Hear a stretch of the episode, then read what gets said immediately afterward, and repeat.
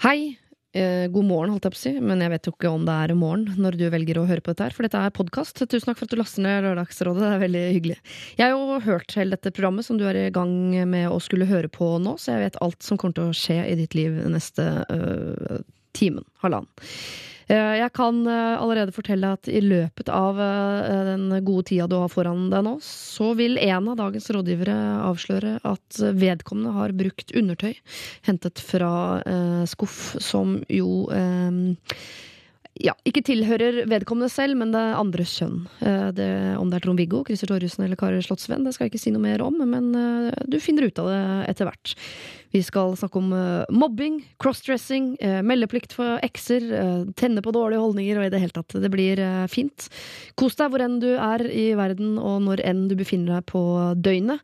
Dette er Lørdagsrådet. P3. Dette er Lørdagsrådet med Siri Kristiansen. På P3. P3. God morgen, du hører på Lørdagsrådet. Jeg har akkurat spilt Lillywood and The Prick med sin Prayer in Sea.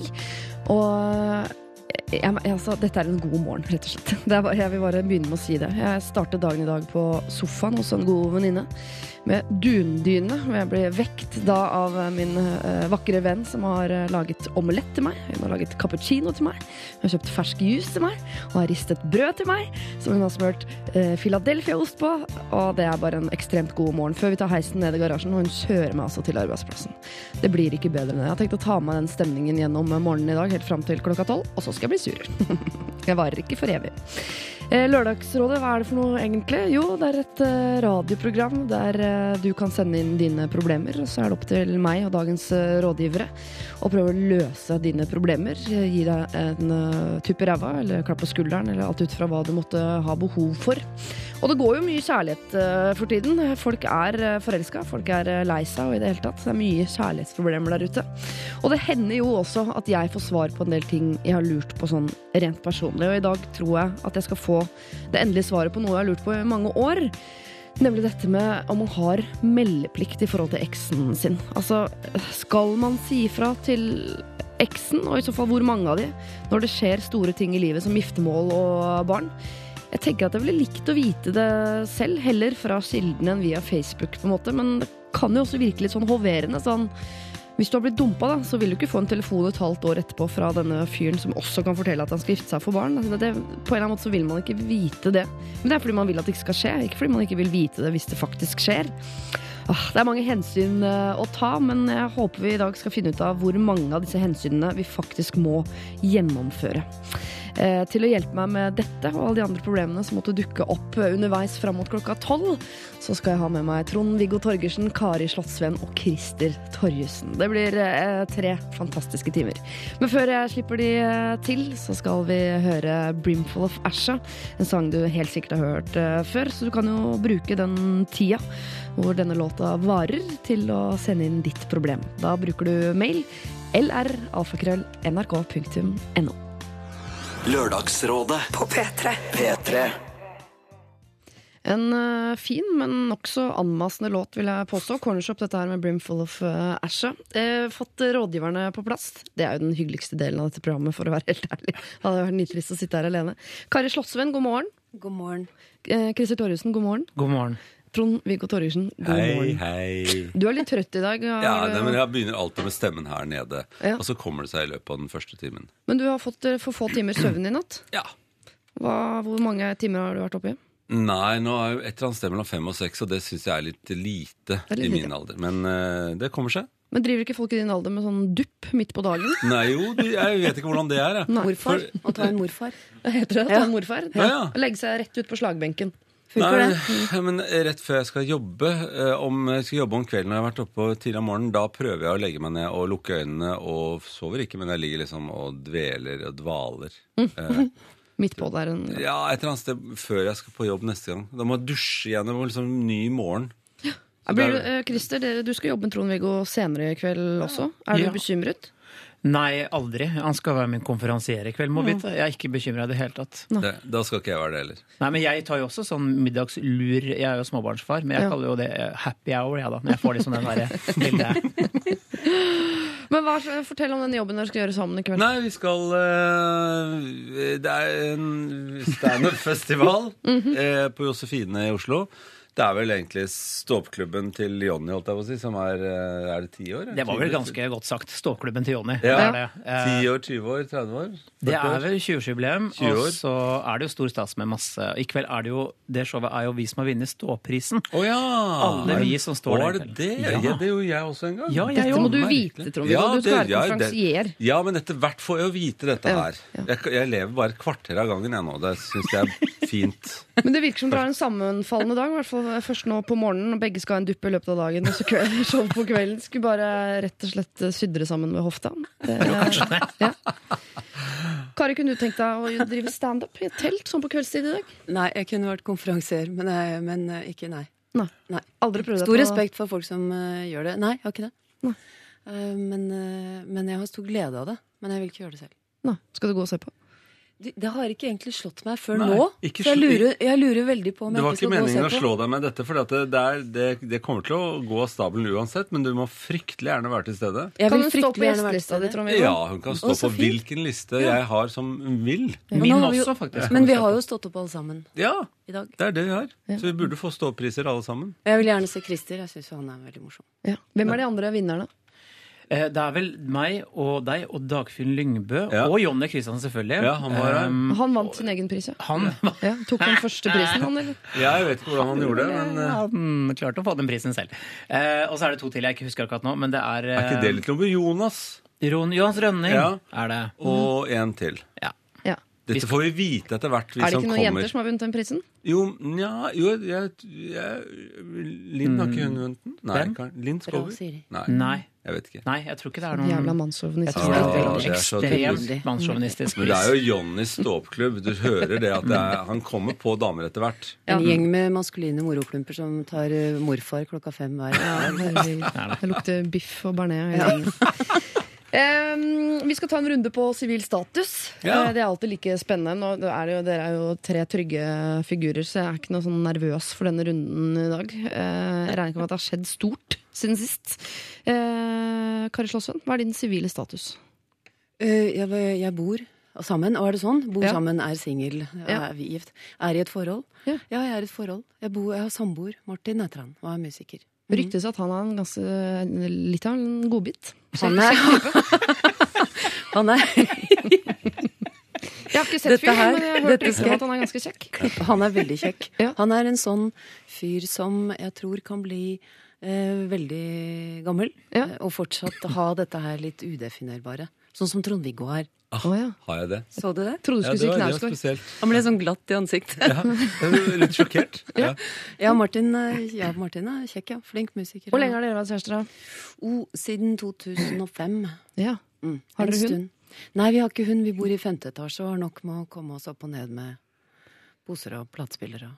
Det likte jeg veldig godt det svaret. Nei, vi har ikke hund, vi bor i femte etasje. Altså, det, det var et fint resonnement. ja, men det er grunn god nok. Er det noen som vil gå til femte etasje, så er det en hund.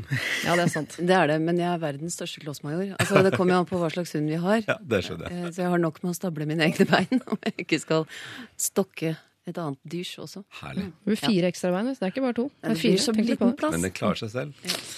Kristi, Det har ikke skjedd mye siden sist, heldigvis. Eh, fremdeles gift med litt av en godbit selv, vil jeg si. ja, Eh, han er kjekk, han. Han er veldig, ja, han er veldig kjekk. Eh, Jeg er gift med Hege, eh, har to barn. eh, Nytt for tiden Nå sparka Unnskyld, Vær så nå sitter jeg benflørt med Trond-Viggo. Det er kjempehyggelig. Jeg skjønner at fristelsen er Det der. er det. Ja. Um, jo, eh, nytt, for, nytt for er jo at eh, nå har jo mitt barn blitt så stort at han har begynt på skolen. Oi, gratulerer. Ja, Så det er vel det eneste som har skjedd. Ja. Fortsatt hu hvitt hus i Hvitt Tønsberg? hus, gjeld, Tønsberg, bil. Alt er på plass. Trond-Viggo, du er Korte, jo eh, gift med Kristin. ja. Har vært det veldig, veldig lenge. Eh, og, og litt grønnaktig hus i en skråbakke i Bergen. Folk Eh, er eh, sjokkert over at du bor i Bergen. Det er ikke alle som har fått det med seg. Nei.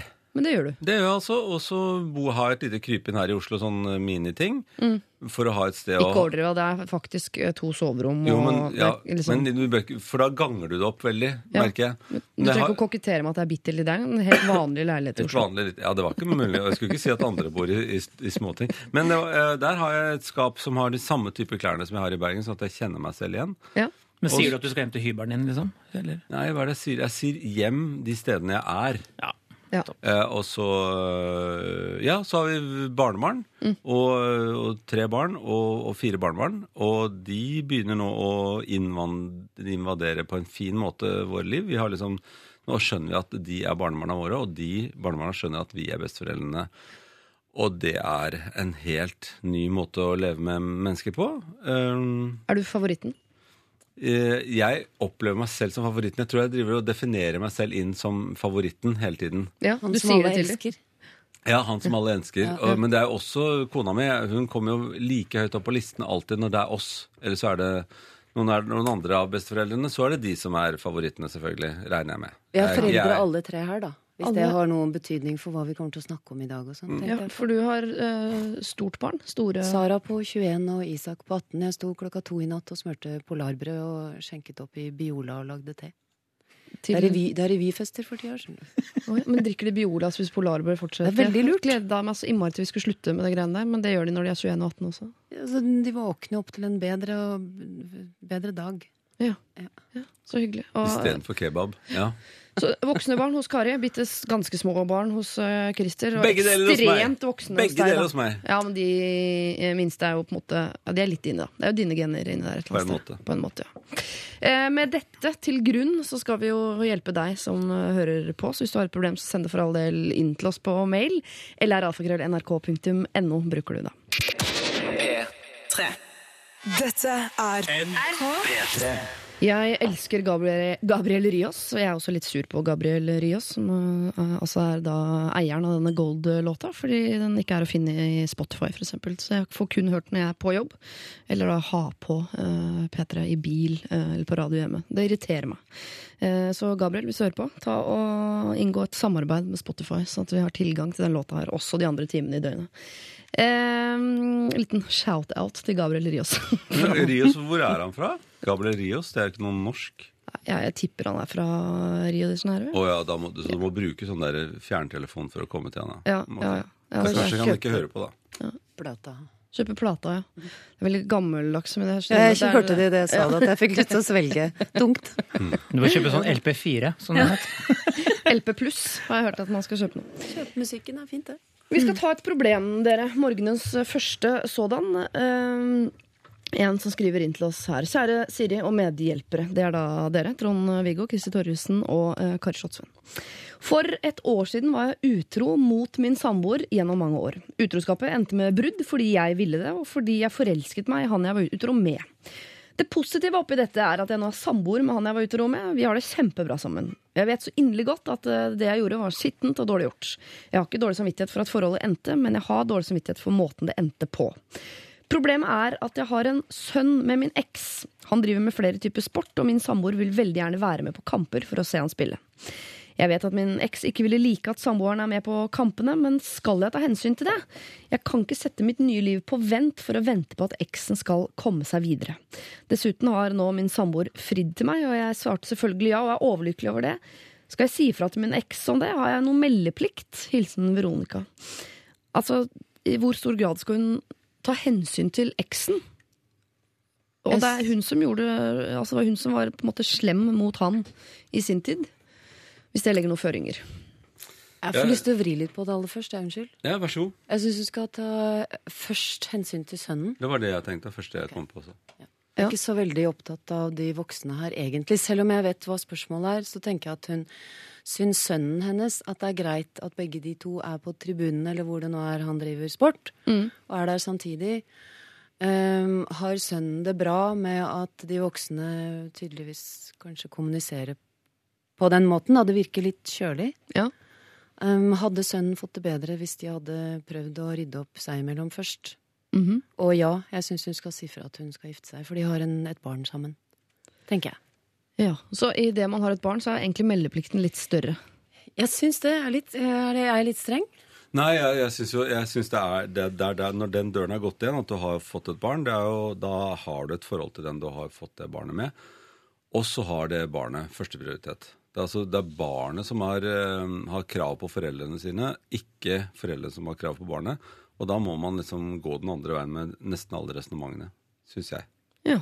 Så man må stille seg selv i den køen av hvordan, hvordan vil barnet ha det. Og så får man bare rydde opp i alle de voksentingene etter det. det og det, er, det gjør det jo fryktelig vanskelig, for man er jo vant til å tenke fra seg selv og utover. Eh, men da må man gjøre den øvelsen med en gang man har fått et barn. Det er derfor det er så viktig med prevensjon. For da, hvis man ikke hadde tenkt at man skulle ha barn med vedkommende, så er det, eh, er det noe som har skjedd når, når de får et barn, og da går det ikke an å gjøre om det på noen måte. Det er sånn for resten av livet. ja. Punktum. Punktum. Men la oss si at barnet her eh, syns det er helt topp om både eh, pappa og reservepappa kommer på kamp. Og han har ikke lagt merke til at det nødvendigvis er noe uh, dårlig stemning mellom de. Han kanskje er en sånn fyr som løper etter ball og tenker ikke noe videre på hva som skjer på tribunen. Da syns jeg de skal gå dit, og skal de oppføre seg. Ja. Det er voksne folk. De får rydde opp seg imellom, og så får de være der til glede for eh, den unge idrettsutøveren. Da er vi veldig på linje. Altså, jeg jeg, jeg synes det, der, det var ikke noe vanskelig. Det jeg syns er vanskelig ved dette, er jo selvfølgelig at det gjør så veldig vondt for noen at det er sånn. Ja.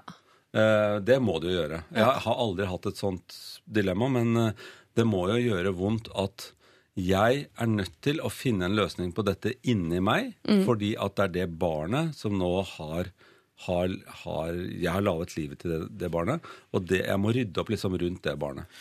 Jeg tenker, Det, det vanskelige oppi her er jo at mm, han skal jo ha pluss for at han engasjerer seg i eh, barnet eh, aktiviteter, selv om det ikke er hans biologiske barn. Det skal han jo virkelig. Eh, det er jo ikke alle som gjør det. Eh, jeg tenker at er, de to må de være sammen da? Altså Kan man ikke fordele Ble det nevnt at de kanskje kan ta hver sin gang, eller dersom For det er jo egentlig bare sånn eventyroppskrift. For hvis noen skulle tatt min plass nå og skulle være liksom pappa for mine barn, jeg, jeg tror jeg hadde takla det svært dårlig sjøl, altså. Så jeg, ja. Ja, fordi jeg tenker, jeg synes det er veldig eh, søtt av dere å ha så innmari stor sånn softspot for barnet. Det skal man jo, det burde jo jeg også ha som mor.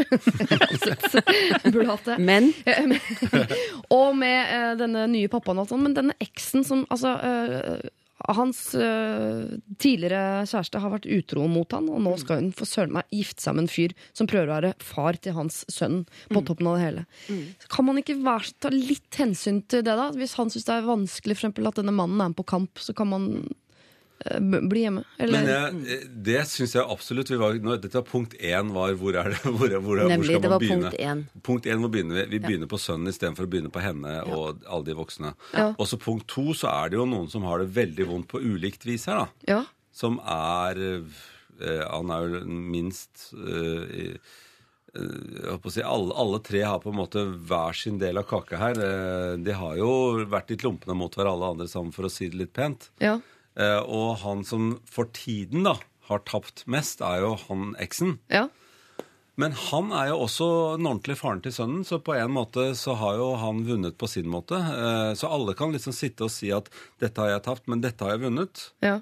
Og særlig han som skal da bli kanskje den sosiale faren til det barnet etter hvert. Han som er Han har jo behov for å komme inn på banen på en, på en god måte. Da. Så alle, De må jo rydde opp litt seg mellom disse voksne og svelge noen kameler og være glad over de kamelene de har fått. Ja.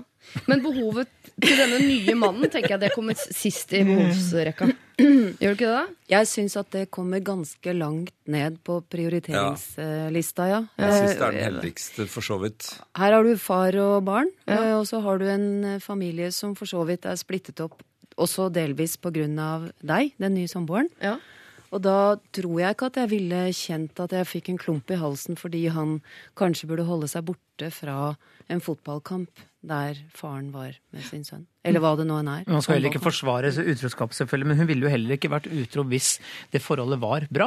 Det er jo noe med det også at livet går jo videre. Man kan selvfølgelig gå på en smell, men her har hun åpenbart også, som hun sier, forelska seg i, skal gifte seg med. Det var jo ikke bare en fling.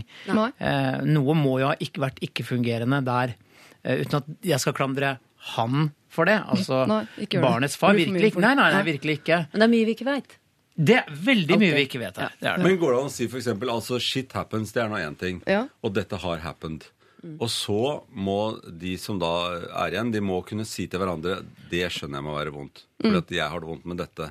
Og så begynner man liksom å nøste opp noen tråder på den måten. Så man la det gå litt tid, svelge litt unna, og prøve å være grei igjen mot hverandre. For det, altså, det er å definere hverandre på nytt. Man må ikke drive og si at ja, men du har vært sånn, og du har alltid vært sånn, eller du var sånn den gangen. For de, de kan, alle kan forandre seg hele veien. Vi Ja. skifter jo alle cellene i kroppen hvert syvende år, sånn at det, det er jo mulig, og de er jo unge mennesker, å kunne omdefinere sin rolle i forhold til dette barnet og de andre voksne. Så de kan ha en ganske hyggelig jul. Innen jul burde mye av dette her være Skifter vi celler hvert syvende år? Jeg visste Ja, ikke det. Alle det cellene er Alle cellene? Det er Akkurat som kongler, er ikke det også hvert sjuende år? Hva? Hele naturen er Sju er jo et hellig tall, sant? Er ikke det fint? Jo. Men det er, når vi har skiftet celler, så har vi jo latt de nye cellene få noe av det gamle. Ja, det håper jeg. Ja. Det er jo det. Jeg kan Det er ikke sånn plutselig bli er. en mann med krøller barn. om syv år. Ja, nei, Det orker jeg ikke. Det orker jeg ikke. det skal du slippe. Du vil kjenne han igjen. Men det er smertefullt å være voksen. Sånn er det. Absolutt. Eh, men det er vel sikkert også smertefullt å være barn oppi dette her. Så eh, Veronica, jeg tror det du skal gjøre, er eh, først og fremst å tenke hva eh, sønnen din vil. Vil han ha begge der, ja, så er det et sted å begynne. Men da, eh, hvis eh, sønnen vil ha begge til stede, så er det neste du skal ta hensyn til i denne settingen her, syns jeg faktisk er eh, din eksmann. For det er vanskelig for han å observere at han du skal gifte deg med, som du var utro med, plutselig står og også skal være litt pappa på sidelinjen der. Den er litt tung å svelge for han. Så eh, i den grad det er mulig, så ta hensyn en stund, eh, men eh, få opp dialogen sånn at det der blir mindre og mindre vondt. Sånn at du slipper å tenke at du setter ditt liv på vent. Det blir en koselig jul. Hilsen Trond-Viggo. Dette er Lørdagsrådet På P3. P3. Jokke og valentinerne dette her med sin Sola skinner. Og før det hørte vi eh, Sigrid Råbe her på NRK P3 med sin Known You Forever. Eh, vi skal ta et eh, noe kortere problem fra en som kaller seg for kroppsfiksert. Så vil jeg bare at du skal ta med dere inn i problemet, at det er titulert med kroppsfiksert. Eh, dagens rådgiver er Trond-Viggo Torgersen. Pleier bare å si Trond-Viggo. Ja, det er ikke så mange andre av dere. Jeg sier også Eh, bare Siri om deg. ja, det er fint. Eh, Christer Torjussen og Kari Slottsveen. Jeg har kanskje et litt forfengelig problem, men det lyder som følger. Jeg er 28 år, er rimelig betatt av en fyr på samme alder, og det kan hende jeg i fremtiden blir forelsket. En ting som hindrer meg, er faktisk hans måte å bevege seg på. Han har ganske dårlig holdning, går med lutet hode og vralter når han går. Ergo finner jeg han ganske uflatterende når jeg ser han komme gående langs gata. Ellers på nært hold er han supersøt og en vakker gutt med anlegg for god fysikk. Jeg har ikke lyst til å være hun dama som maser om at han skal begynne å trene eller trene mer, men jeg tenker på hans eget beste. På lang sikt, og at jeg faktisk mest sannsynlig ikke klarer å være sammen med en som har dårlig holdning. Hva er deres råd? Med vennlig hilsen kroppsfiksert. Jeg vet ikke helt hva hun spør om råd til her, Hun men er jo hun allerede vil jo dama. bli forelska i han, og hvordan skal hun få til det? Hun er allerede en dama hun sier at hun ikke vil være, da. Ja, Så hun har jo på en måte utgangspunktet den er jo, er jo er dårlig. ja hvorfor, Men hvorfor er hun så redd for å være den dama? Noen må være den dama. Ja, men når hun skriver 'han har anlegg for god fysikk', da høres det ut som hun venter at han skal ta Cooper-testen rundt neste sving. Altså, hun ordlegger seg som en gymlærer. Jeg blir vettskremt. Oi, oi, oi. Men hvis hun er den dama, så blir hun jo den dama uansett hvem hun forelsker seg. Så vi kan jo likevel prøve å gi henne en god råd på hvordan hun skal klare å bli forelska i en fyr med litt dårlig holdning. Det funka jo for kronprinsen, så hvorfor ikke det? Det, hø- det, siste overhørte jeg med vilje. for sa det veldig fort. Men eh, jeg mener at hun er jo Hun tilhører jo forrige generasjon allerede. Ja. Hun er jo sin mor. Eh, eller noe annet. Kjenner du Nei, nei, nei. Hun, hun er som er, Er fiksert på dårlig kroppsholdning. Så hun, det må vi rydde opp i etterpå, det andre som er Ja. eh, eh, Men hun med dårlig kroppsholdningsfiksering, Ja. hun sier jo ikke dette selv. Hun har, dette har hun lært eller inn, fått inn, implantert i Av seg. sin mor. Ja, altså gymlæreren. Som, moren er antakeligvis gymlæreren. Som sier nå må du ha en bedre Reis deg opp og få hodet opp og løft overkroppen. Kanskje hun har gått på veldig mye ballettimer eller noe annet. Ja. Eh, og da vil man jo at folk skal være sånn. Jeg syns hun skal sende ham på Sva danseskole. Ja.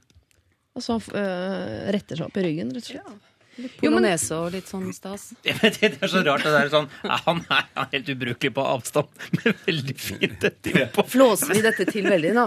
Er det et, er det et alvorlig Ja, problem? det er- Burde, vi være ordentligere? Var det kort, Nei, nei, Du skal ha kort, eh, flåsete svar omtrent, skulle du ikke det?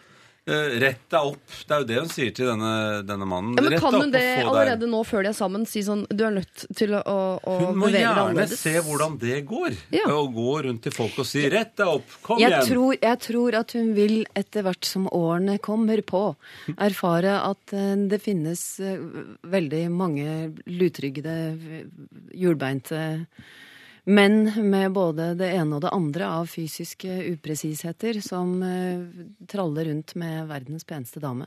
Ja, Det er naturen, dessverre. jeg har lagt merke til det selv, faktisk. Ja.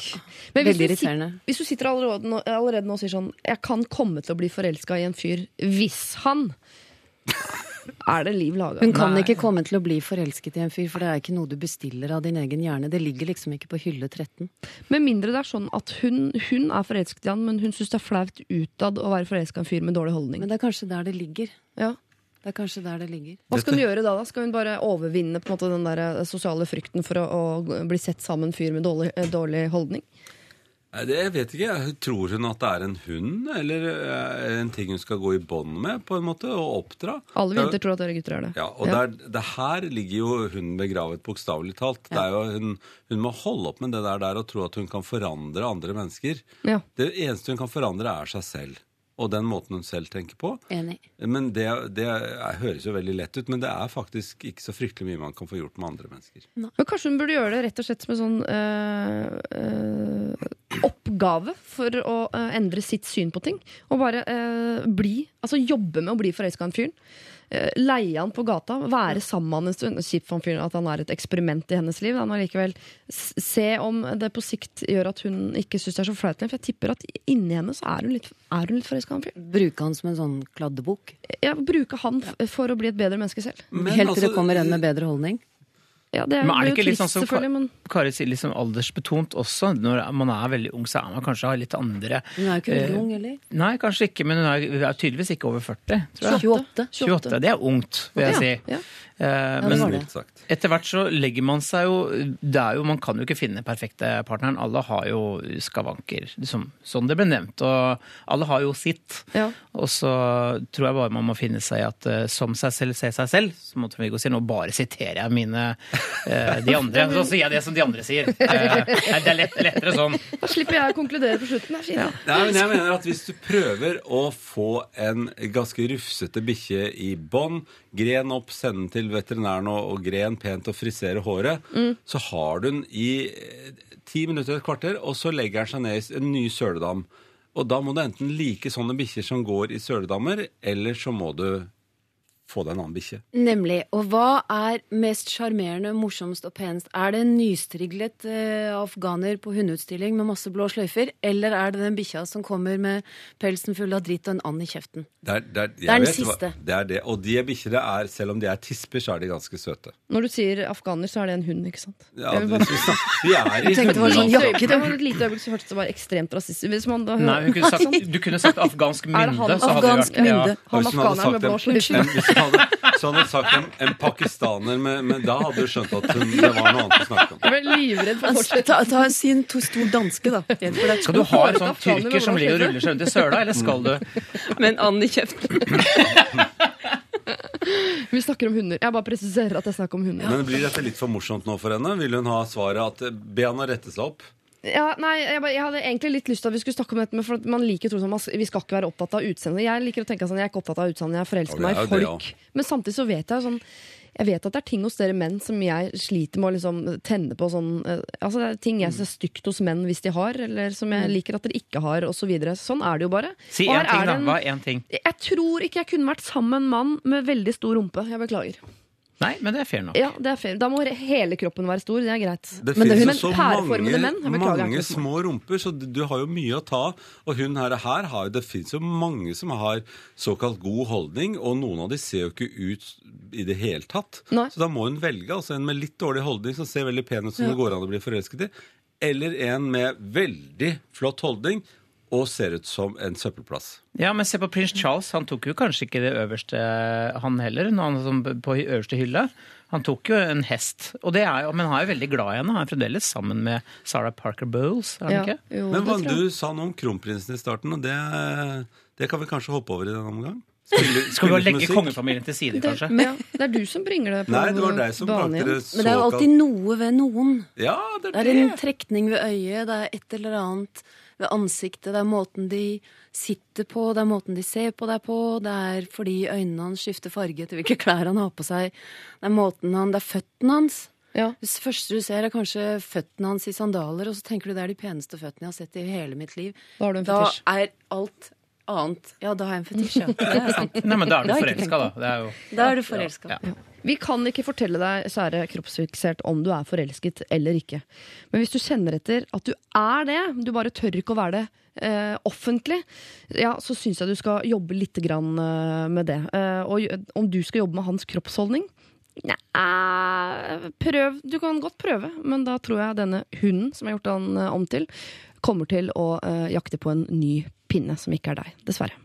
Dette er Lørdagsrådet. På P3. P3. After Midnight synger hun. Dorothy var dette her. eh, Og du hører fortsatt på Lørdagsrådet. Jeg sitter alene for øyeblikket fordi eh, vi har fått inn en oppdatering fra en av eh, dere som vi har hjulpet eh, tidligere. Jeg vet ikke om dere husker den eh, jenta som trengte råd fordi eh, hun eh, var fra en familie full av eh, ganske kristne folk. Altså virkelig. Sånn, eh, gikk i kirka på søndager, og det var ordentlig, liksom. Men selv var hun ateist. Og det eh, falt liksom familien litt tungt for brystet. Og hun var usikker på eh, hvor ofte hun skulle liksom si dem imot, eller om hun skulle bare liksom godta at sånn er dere og sånn er jeg, eller om hun hele tiden skulle liksom være i opposisjon, eller bare godta ting var som det var. Men da forventet hun også at foreldrene godtok at ting var som det var. Nå hadde det toppet seg litt, for nå hadde hun også meldt seg ut av statskirken, og var usikker på om hun skulle si det, eller om det bare ville være provoserende for hennes eh, familie. Hvilke råd hun eh, fikk, det skal dere få en liten smakebit på. Det var uh, Synnøve Skarebø, Line Verndal og Kenva Vasenius Nilsen som var rådgivere. Og her er noe av det de mente. Når en veldig gammel person ytrer noe rasistisk eller homofiendtlig, så er det nesten så jeg bare ler litt av det. Ja. Det er bare sånn Ja, nei, du får nå bare holde på, du. Tenker jeg liksom også sånn tenker, tenker jeg sånn Det blir litt godt når din generasjon dør ut, tenker jeg litt sånn stille i mitt eget sinn også. Ja. Um, men med en gang man er yngre, så har jeg liksom nulltoleranse på det. Man må jo si fra. Du kan ikke si sånn. Du får ikke lov å bruke de ordene. Man må jo si fra. De må Ja. jo få høre det. Men skal hun si at hun har meldt seg til statskirken, da? Det kommer det vel ikke noe godt ut av, tenker jeg. Men uh, Ja, hvorfor ikke? Hun er 22 år. Ja. det er noe du har gjort, og det er en ærlig ting, det. Men å si det til de er jo bare en rein provokasjon på en eller annen måte. Må si det. Jeg Altså, er det noe poeng? Skal, da blir de veldig skuffa og føler at det er enda lenger ifra Enda lenger mellom dem. ja. Det er ikke Ja, men er de så kristne at de da får helt angst for at hun ikke kommer til himmelen og sånn? Er det Sikkert. Ja, det tror jeg. Ja, nettopp. Dette er Lørdagsrådet. På P3. P3. Dette er noen uker eh, siden, og denne eh, frustrerte, frustrerte ateisten har sendt oss en ny mail hvor hun skriver Jeg har lyttet til podkast om mitt problem mange ganger, og jeg kan ikke annet enn å le. Jeg har fortalt min mor at jeg meldte meg ut av statskirken, og reaksjonen var ikke helt forventet. Måten det hele kom fram på, var at bestevenninnen min har nettopp fått barn, og vil gjerne at jeg skal være fadder for dette barnet. Det får jeg ikke lov til, fordi jeg ikke er medlem av statskirken. Eh, Det er ikke riktig for øvrig, vil jeg bare legge til selv. Jeg har vært fadder og er utmeldt av statskirken, bare så dere vet det. Men du må bare få presten til å godkjenne osv. Og, så og det gjør de faktisk, for det er så få folk som går i kirka at de slipper inn hvem som helst, også oss som står i pakt med djevelen, altså vi som ikke er medlem av statskirka. Ok, Men da mamma spurte hvorfor jeg sa nei til å være fadder, fikk jeg panikk og sa at det var fordi bestevenninnen min bor så langt unna at jeg derfor ikke ville ha det ansvaret. Mamma syntes det var eh, helt forbløffende og insisterte på at jeg skulle ringe og bestemme. Da var det ikke noe annet å gjøre enn å fortelle mamma sannheten. eh, Og da jeg eh, fortalte at jeg ikke fikk lov til å være fadder, så avbryter min mor meg med Er det fordi du har meldt deg til statskirken? Ingen i familien til mamma er med i statskirken. Eh, Du ser det, de tror ikke på dåp, eh, bortsett fra min mor, da. Derfor frelser de barna før de en gang fiser. Mamma ble ikke sur, men da jeg sa at jeg hadde meldt meg ut fordi jeg er ateist, bryter mamma ut med Du er ikke ateist. Du er kristen, jenta mi og showet går videre. Takk for gode råd, de skal tas i bruk. Hilsen fremdeles frustrert ateist, men som nå ser litt lysere på det hele. Ah, Det må være så frustrerende å ha en mor som hører hva du sier, ler av deg og sier sånn 'Sånn er det ikke, jenta mi!' Å herregud, jeg hadde tagga ned stua og tent på vedboden. Det er jeg helt, helt sikker på. Eh, vi kan hjelpe til med hva som helst, som du kanskje hører. Så hvis du sitter og knuger på et problem, så send det for all del inn. Trond-Viggo, Kari Slottsveen og Christer Torjussen er klare for å hjelpe deg. Bruk mail. Vi har adresse lr, alfakrøll, nrk.no. Dette er Dette er P3. Det er jeg jo uenig i, Milky Chance eh, og deres Stolen Dance, at man ikke skal snakke om det. For da hadde ikke dette programmet funnet sted, for det er jo det vi driver med. Eh, vi skal straks ta tak i et litt sånn eh, foreldrerelatert eh, problem. Det er liksom voksne problemer i dag, men det er fordi vi er en eh, voksen gjeng som også gir eh, råd. Trond-Viggo Torgersen, hvor gammel har du blitt nå? Nei, jeg er blitt 62. Det er ikke noe å skryte av, men det er ikke noe å legge skjul på heller. Nei, eh, Christer Torgersen, du er vel over 40 du også? 44. 44. Kari Slottsveen? Jeg er 51 nå i september. Shit. Ja, shitorama. Ja, Det er ment som et kompliment. Det er at jeg sier ordet shit. Um, dere har jo barn alle sammen. Hvordan, sånn kort, hvordan type foreldre er du, Trond-Viggo? Å, det var vondt. At du begynte med meg. og Jeg tenkte Nå skulle jeg legge meg sånn pent i kjølvannet av de andre. Jeg vet rett og slett ikke hva slags foreldre. Jeg tror, tror jeg er eh, eh, grei. Ja, Ja. grei. De, og de kjenner meg etter hvert. Det er positivt. Det er alltid positivt. Ja, og det, jeg, blir, jeg blir i hvert fall aldri ordentlig, ordentlig sint. Nei. Eh, Sånn jeg, og jeg tror jeg er litt sånn bløt bløt Ja. i midten. Bløt i midten. Åssen er det? Du er jo bløt eh, hele veien ut, Christer. Vet vi jo etter hvert. Du er en myk mann. Ja, men jeg, har, eh, jeg tror jeg er en bra pappa. Men jeg har to problemer jeg vet jeg har. Det er eh, litt Jeg må jobbe med tålmodigheten min. Ja. Og så må jeg legge fram mobilen oftere. Ja. To ting jeg jobber med. Også si noe positivt. Posi- Om meg selv? Ja, Ja, jeg, tror, jeg tror jeg er ganske morsom å ha med å gjøre og liker å leke og tøyse og tulle med barna mine. Ja. ja. Kari? Jeg tror jeg er til å stole på. Nå har jeg også voksne unger som jeg har et godt forhold til. Det er jeg glad for, det er jeg stolt av. Ja. Som jeg også har et sånt kjærlig og varmt forhold til. Og så har vi jo vært igjennom en del opp gjennom årene fordi vi har en skilsmisse bak oss og litt sånn. Og da sier jeg vi, fordi at det er jo jeg og ungene og, og faren deres og alt mulig. Ja. Og så eh, var jeg, da de var yngre, syns jeg at jeg var tidvis for utålmodig. Ble for fort sinna. Um, og det, det er sånt som man kan tillate seg som foreldre å angre på. Jeg syns ikke foreldre eh, har så vondt av å, å tenke litt på at eh, det der var ikke så veldig bra. Det var ikke så bra. Men eh, det er godt for oss som er midt oppi det der utålmodige og mye sinna-greiene, at de kommer godt ut på andre siden. Vi kom godt ut på andre siden, men det, det kom ikke av seg sjæl, på en måte. Det var, vi snakket om det i stad, om Ja. unger og om eh, forhold som hadde gått i oppløsning og sånn. Og jeg tror at da Det høres litt eh, Selvfølgelig høres det litt sånn korrekt ut, men det er et eller annet der med at da må de voksne på et eller annet tidspunkt, hvis de kan, hvis forholdene ligger til rette for det, og historien er sånn, så må de se på hverandre, og så må de si til hverandre at eh, I hvert fall gjorde vi det. At eh, jeg var heldig, jeg fikk disse to. Og de er så viktige for oss at nå får vi nesten ta og parkere en del her. Ja. Og så gikk det veldig bra. Mm. Og så er de der. Så jeg, jeg, tror, jeg tror på en måte at jeg ble en bedre og bedre mor etter hvert. Og har et veldig godt forhold til dem. Det er godt å høre. Vi skal hjelpe en eh, far eh, som er litt i stuss. Han står midt oppi smørja og eh, sliter litt med hvordan han skal eh, komme seg ut. Ikke ut av det, men hvordan han skal løse opp i en del ting. Det skal hjelpe han med. Men først skal vi høre en Britney Spears-låt, som jo er favoritt-Britney Spears-låta til folk som ikke liker Britney Spears. For oss som elsker henne, så er dette på en god syvendeplass. Toxic får du her i Lørdagsradio. P3.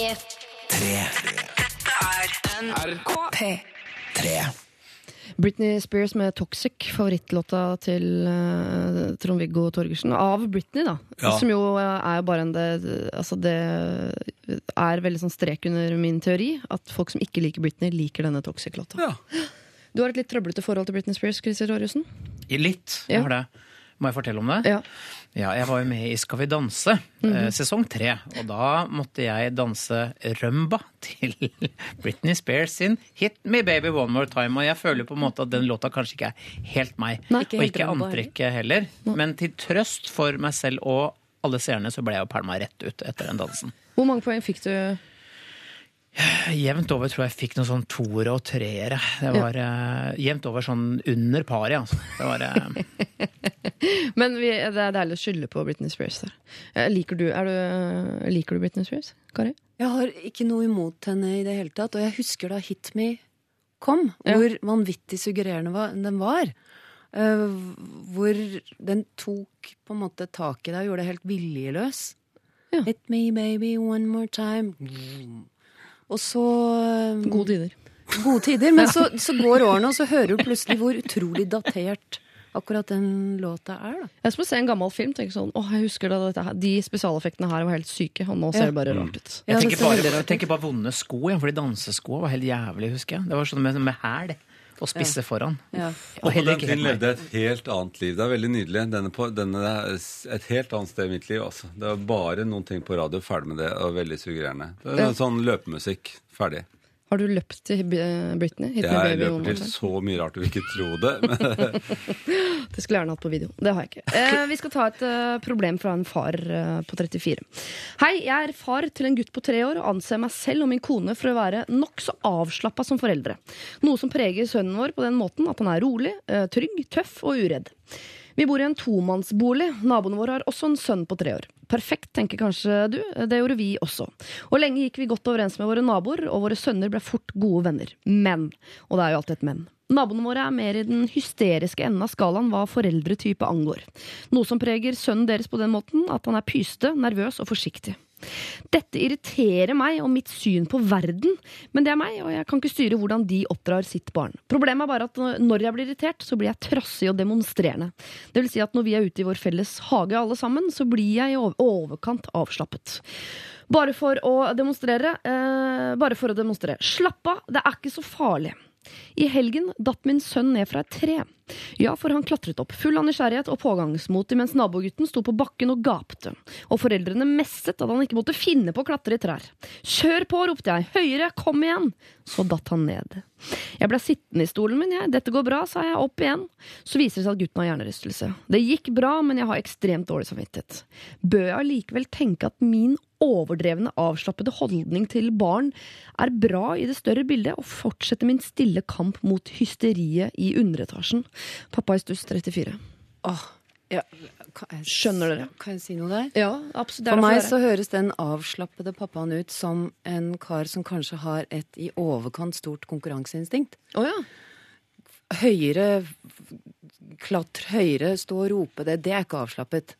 No. Det er, det er å, å, å ta konkurransen med naboen som irriterer deg. Han er i oppløpet på siste etappen av Birken han når det gjelder barneoppdragelse her, for min del. ja. Jeg oppfatter det i hvert fall sånn. Og så er det noe med at når du hele tiden sammenligner din egen barneoppdragelse, hvilket det virker som det kanskje er mindre av hos ham, og jeg vet ikke hva det er hos de andre, eh, så, så blir jo det også en konkurranse. Og når de er i hagen eh, og han demonstrerer hvor avslappet han er, så er vi i konkurransesituasjonen igjen, og det løpes 60-meteren rundt barn i et steikakjør. Og så tenker jeg en annen ting. Det er jo dette med at det å alltid gå ut fra at det bare er barneoppdragelse som, som skaper mennesker. Altså, du er det foreldrene dine gjør mot deg. Du er rammene foreldrene setter rundt deg. Du er ikke et eget individ. Du er et stykke trolldeig som de former foran øynene mine. Det mener jeg også er litt på tur. ja. jeg le, le, prøver å leve meg inn i innsenderen. Ja. Så jeg, liksom, jeg tenkte ja, men det kunne vært meg eh, i en situasjon å være så avslappet. Jeg ville nok ikke sagt høyere, høyere, høyere, kom igjen, kom igjen. Men jeg ville latt han få klatre så høyt som han ville. Og så ville jeg sittet litt avslappet når han datt ned og si ta bare telte til dette her går fint. Jeg ville ikke gjort sånn som jeg gjør nå med barnebarna, og går og trøster dem og løfter dem opp med en gang. For med min egen synd så sa jeg nok ja, ja, ja, det går fint. Eh, og det har jeg også gjort til de grader at jeg har rett og slett vært lege en gang for han for mye. Da sa jeg au, jeg har så vondt i benet. Ja, det går fint. Og så hadde han brukket en tå. Og det er sånne ting som man tenker etterpå. Au, au, au, au, au. Så dårlig far jeg var da. Men eh, det er man jo parallelt. Man er dårlig far til man oppdager at det der, der var en dum ting, og så gjør man det ikke sånn neste gang. Men det man bør ikke være så veldig høy i hatten om sin egen oppdragelse noen gang, tenker jeg. Kanskje da kikke litt på de andre. Det virker som det er konkurranse mellom denne mannen og hans nabo. Og fordi han, han, han, eh, han liker jo ikke i det hele tatt måten naboen oppdrar på. Det virker jo som han er mer fornøyd med liksom, eh, hvordan eh, sin egen sønn er, enn Ja. hvordan sønnen til naboen er foreløpig, eh, i en alder av tre. Så kan, vi må jo også tenke at, han, at det kan komme fra et sånn hyggelig sted i kroppen hans, at han tenker at jeg vil at min avslappethet skal prelle av på naboen, sånn at han også kanskje en vakker dag tør å klatre opp i en busk, om ikke annet. Eh, jeg tror det er litt det han eh, vil, men eh, jeg, jeg vet ikke Ja, hvor lurt jo det er å være så demonstrerende. At Han liksom, tror jo det han gjør, er bra. Ja. Det må jo være utgangspunktet for at han har skrevet dette her i det hele tatt. Hvis han, hvis han trodde at alt det jeg gjør, er veldig veldig dårlig, og det naboen gjør, er veldig bra, så hadde han jo vært en litt usikker far. Men han, han burde jo være kanskje litt mer usikker på om han gjør det eneste riktige, da. Ja. Eh, eh, samtidig som det, jeg er jo ikke så fryktelig Jeg hadde noen, eh, noen foreldre jeg kjente da vi hadde små barn, som regnet med at datteren var så livredd for eh, hunder, at, og det var jo egentlig de som var redd for hunder, så de ropte eh, oppdragene Pass på! Der kommer en hund! Den er ikke farlig! Og da tenkte jeg, måtte alt det sies, eller kunne man gjøre noe annet for at eh, ikke møtet mellom hunden og det barnet skulle bli vanskelig?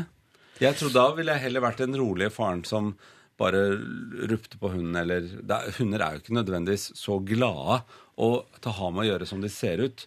Hunder kan være veldig farlige og svære. Hvis det kommer en hest løpende mot deg og vil hoppe opp som voksen, så vil jo ikke Det er ikke noe fint møte, da. Nei, absolutt ikke. Engstelige, proaktive foreldre kan jo være litt slitsomme Det er det jeg å mener. være rundt. Ja. Mm. jeg Men jeg har- jeg han Men du er jo midt i det, Christer. Ja. Ja, jeg er for så vidt midt i akkurat der han er nå med barn på den alderen. Og jeg merker at jeg vil jo Jeg prøver jo å Man former jo barna etter det man på en måte vil de skal være. Jeg vil at han skal være tøff Ikke, ikke tøff, men jeg vil at han skal liksom uh, tørre å ta del i sosiale aktiviteter og sånne ting. Men han er veldig flink til å klatre opp i trær og ramle ned. Han er kjempegod på det. Ja. Det har han svart belte i.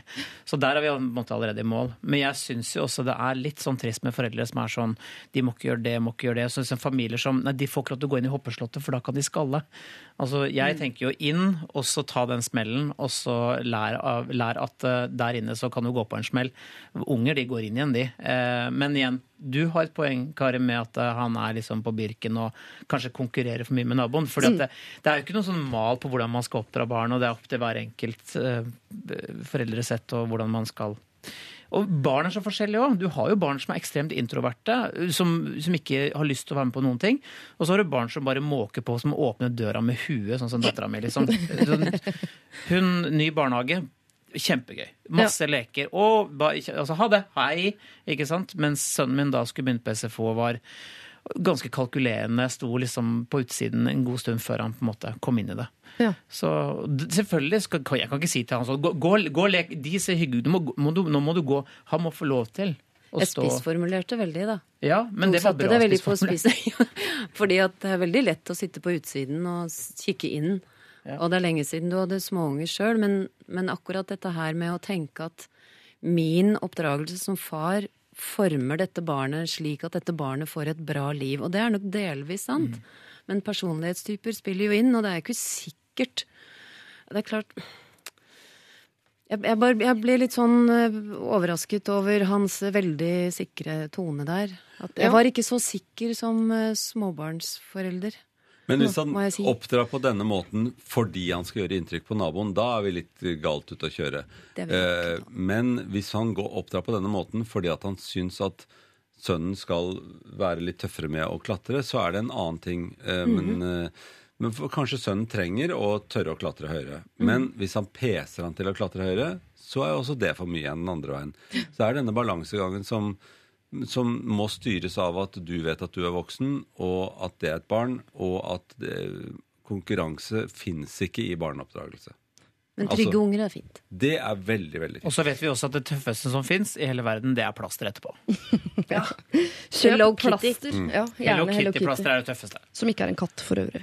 Eh, kjære pappa i stuss, eh, ikke tenk at det der med å oppdra barn er en konkurranse. Dette er ikke Birken, det er ikke om å gjøre å komme først i mål med ungene sine.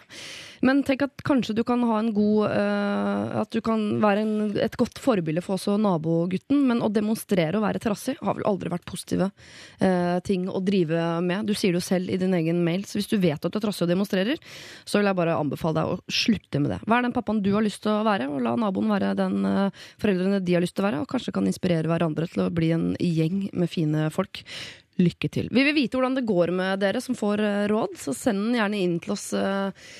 Eh, Eh, Om dere har brukt rådene, har det funka, gikk det til helvete, må vi si unnskyld, osv. Da bruker du samme mail som sendte inn problemet på, nemlig lralfakrøll eh, nrk.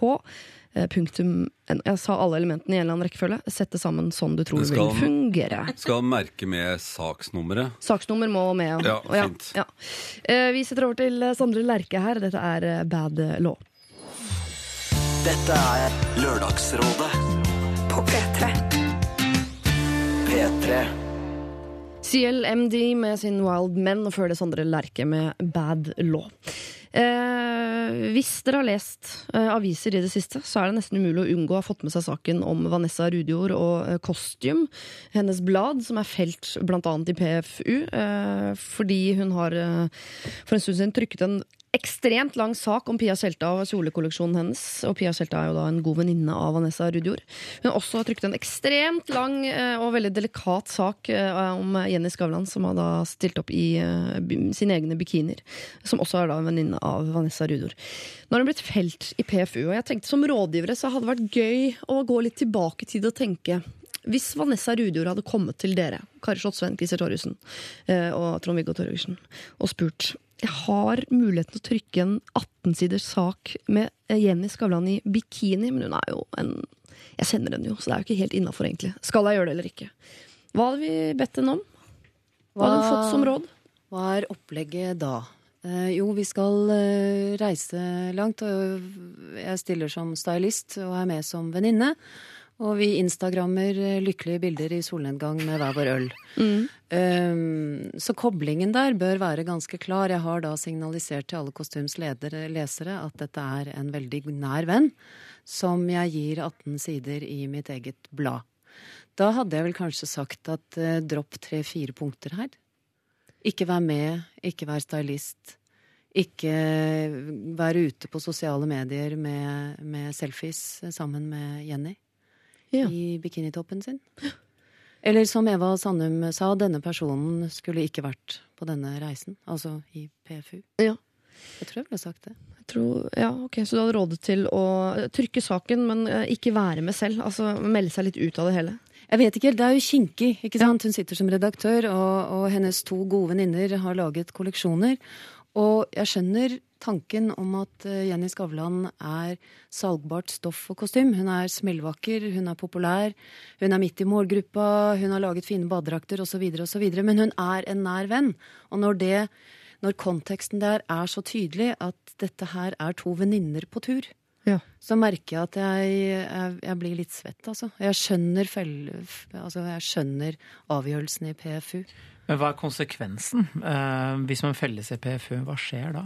Må antakeligvis trykke en sak i bladet sitt hvor det står 'Jeg beklager, jeg legger meg flat, jeg har driti meg ut', osv. I litt vok mer voksne ord enn det, da. Det er ikke mer enn det. Nei, det er ikke Altså, noe Jeg tror ikke du får noe bot eller fengsel. eller Eller. fengsel eller Må ikke i fengsel. Kjedelig. Men du må vel rykke tilbake til eh, Start. start, ja. Ja. Og, ja. og trekke noen uh, nye kort. Jeg ser ikke forskjell her på reklameblad og, salgsinnsmett, som det heter. Sånn som kommer, eh, De som jeg trekker ut av avisen og kaster. Så det der bladet Costume syns jeg bare kan oute at det fins Dette er egentlig et salgsvedlegg. Eh, venninner selger hverandre, og venninner eh, Egentlig er det sånn eh, eh, For meg er det et sosialt medium som trykkes. da. Ja. Eh, en blanding av det og et salgsblad. sånn at Jeg, jeg, jeg syns det er like greit at, det er så, at jeg outer det som dette her. Jeg er venninne til henne, jeg selger hennes ting. Hun er med meg, jeg dekker regningen, vi dekker hverandre. Vi kjenner hverandre, eh, vi syns vi er pene. Eh, dette er et salgsblad. Og Ja. du kjøper det, og da er du dum hvis du tror at dette er en avis. Men Alt det du da- stått på. Ja. Men Ja. da ser du ikke på kostym Jeg er i grunnen enig med deg, sånn. Men da, da ser du ikke på det som et journalistisk Nei. produkt, ikke Nei. sant? Nei. Det er det jeg ikke gjør. Altså, det, he- vi har et uttrykk for dette som heter Bilag. Bilag. altså, det, det er noe som er journalistikk, og så er det noe som er L-journalistikk, som vi kaller det. Og det er venninner som skriver om hverandre. og tar bilder av hverandre og trykker det. Det er en egen type journalistikk. Dette Men eh, eh, kjøper jeg aldri. Nei, jeg tror ikke du er i målgruppa heller. Selv Nei, om men jeg, jeg tror du kunne ikke likt de der eh, bikinibildene av Jenny Skavlan. Tror jeg Jeg kjenner, pris på. kjøper ikke sånne båtbilder, bilbilag, ting som jeg vet Jeg- vet er bare sponsing av hverandre. Det overrasker meg jo ikke noe av dette, sånn, for det her er jo sånn relativt hyppig og normalt i verden som vi kjenner den i dag, med folk som backer hverandre opp og gir hverandre publisitet på tvers av det som måtte være juridisk. Det er jo overalt i mot musikk alt, da. Så jeg mener, jeg, men jeg syns enig saken er litt sånn kjedelig. Og så er ikke jeg målgruppa, jeg leser jo ikke Costume, se på meg. Men eh, ja, men selvfø- Men er ikke Norge for lite til at det er mulig å la være? For jeg kan jo, hvis jeg hadde altså, Hvis jeg sett meg i Vanessa Rudjord sitt uh, vakre hode, så ville jeg tenkt sånn Herregud, jeg har muligheten til å dra på ferie sammen med en god venninne. Hun, eh, vi kan ikke gi denne saken til noen andre, for det er en eh, stor sak inn i moteverden. Og hvis vi da selger til L, så er det egentlig bare en annen venninne av, uh, av Jenny Skavlan som trykker saken isteden. Jeg ville kalkulert med sånn Ok, vi kommer til å bli felt i PFU. Fuck it. Jeg har hatt 18 sider med eh, Jenny Skavlan i bikini. Kommer til å selge som F. Men da var det jo tre saker her. Det var eh, Tjelta med kjolekollisjonen, og så var det Jenny Skavlan, venninnen med eh, de vakre badedraktene, og så var det Vanessa Rudjords egen leilighet, Ja, som lå ute på Finn. litt- Ja. Em, som hun da kom hjem til Vanessa Ja. i sitt eget blad. Ja. Og det er klart at presseetisk så har man jo da hoppa over noen sånn seks trappetrinn for hver eneste sak. Og når hun da sier at jeg er den første til å ta selvkritikk etter fellelsen i PFU, Ja. så er jeg helt enig med lørdagens Klassekampen som tilføyer at hun er den siste til å ta selvkritikk. fordi at det har hun jo da på ikke noe sted gjort. Men det kan være at hun har tenkt nettopp som du sier at Norge er utrolig lite, det er utrolig trangt. Vi er venner, eh, en god del av oss, eh, og dette her tar jeg sjansen på. Ja. Det er midt i målgruppa, og det selger som fankeren. Jeg er nok Jeg mer der at eh, jeg er nok den slemme onkelen her altså, som sier at dette er because I deserve it. Dette er bortskjemthet. Mm. Dette er sånne som parkerer og vet de får bot, men parkerer likevel. Og kaster boten eller betaler boten. Jeg har råd til det. Jeg, her blir jeg veldig streng. Ja, Og, jeg, og fordømmende, og jeg liker det overhodet ikke. Og jeg kommer ikke til å kjøpe sånne ting og bli narret av dere. Nei, Ever. jeg liker det heller ikke.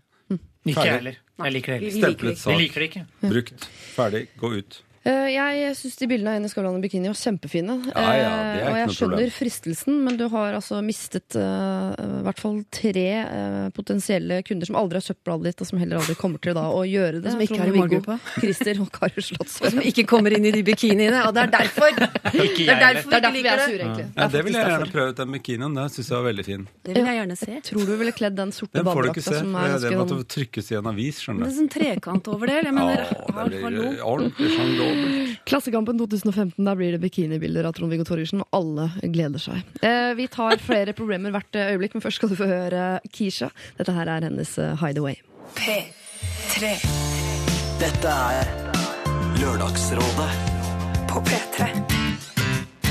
P3 Kisha og Hideaway var det, og jeg skal stille dagens rådgivere et kjapt ja- og nei-spørsmål. Med mindre det er en historie der som er god, da vil jeg høre den. Trond, nei, jeg skal begynne med um, Christer. Christer Torjussen, har du noen gang brukt kvinneundertøy?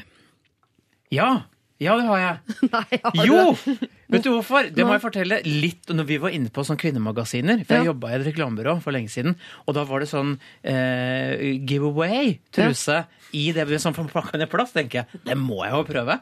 Og så gikk jeg på toalettet og prøvde den på meg, og tok bilder. Så, nei, det var egentlig sånn litt sånn keitete, hvit, billig truse. Men ja, jeg måtte prøve. For jeg fikk en i sånn damemagasin som kontoret fikk. Så, ja. Og jeg tok den på hodet òg. Jeg har bildet ennå. Var det, eh, det vil jeg veldig gjerne se. Eh, Jeg har også lyst til å legge det ut på Facebook-siden til Lørdagsrådet, hvis jeg får lov til det. Ja, ja. Ja, ja, ja. ja. Eh, Men var det deilig? Ikke hodet jeg er ikke så opptatt av, men der nede. Nei, egentlig ikke. Sånn, jeg, må jeg var ikke noe at det var noen seksuell sensasjon, eller at jeg tenkte oi, dette må jeg gjøre ofte. Nei. Men det var gøy å prøve det. Det er som andre ting her i livet. Ja. Prøve? Ok, kanskje ikke. Det ikke noe for meg. Hva med deg, Kari? Har du noen gang brukt kvinne... har du brukt, eh, Aldri. har du Nei, brukt eh, herretruser noen gang? Uh, nei, det har jeg vel. Du har aldri vært så altså, glemt å ta klesvasken, har ikke flere igjen, må bruke bokseren til Nei, jeg kan ikke huske det, men det tror jeg egentlig er en tilfeldighet. Jeg kunne like godt ha slengt på meg et par eh, boksershorts, og en stund så var det jo mange jenteunderbukser. Det er liksom ikke så trusete over en boksershort som var sånne ja, sånn shortsaktige. Ja. Så nei, jeg har ikke det. Har du, Trond-Viggo, i ditt lange liv brukt kvinneundertøy? Nei, og det er litt rart. For jeg har jo tatt på meg så veldig mye dameklær. Ja. Men da har jeg alltid hatt eh, manneundertøy. Er- og jeg, og jeg syns det er eh, Jeg tenkte på det nå, jeg virkelig tenkte på men jeg har aldri hatt dameundertøy. Og det er fordi at eh, tror jeg bare Innerst må du ha et lag med et eller annet før du er dame utenpå, når du ikke syns det er så gøy å ha på deg dameting, egentlig. Og du Men BH brukte nesten eh, BH har jeg jo hatt, men det har alltid vært sydd inn pupper og sånt nå i. sånn, ja. Ja, så det har vært en del av kostymet. Så du bruker egentlig manneundertøy innerst som en slags rustning for å ikke bli for glad i det å være kvinne når du er det. det. var det. Jeg har aldri tenkt over det. Jeg har aldri tenkt over det. Jeg, jeg bare, det tenkte jeg var veldig ekkelt på kroppen på en eller annen måte. Men én av tre har i hvert fall brukt undertøy som eh, jo eh, sånn originalt sett tilhører det motsatte kjønn. Mm. og det er fint å vite, for vi skal eh, inn i den delen av fetisjbransjen hvert eh, øyeblikk. Vi skal først høre Twin Atlantic. Dette her er Brothers and Sisters. NRK P3 Jeg mistenker Twin Atlantic for å overdrive sitt eget språk i denne låta Brothers and Sisters. eh, For Jeg synes det er veldig sånn Jeg jeg skjønner hvor dere kommer fra, men dere er veldig opptatt av det selv. Rett sånn verbalt. Eh, Vi har etablert at Christer Torjussen en gang har prøvd en dametruse, både rundt tissen, men også på hodet. Eh, Trond-Viggo har merkelig nok kledd seg mye kvinneklær, men aldri helt inn mot kroppen. Og Kari Slottsveen kan ikke huske å ha brukt manneundertøy noen gang. Nei, Nei. nei.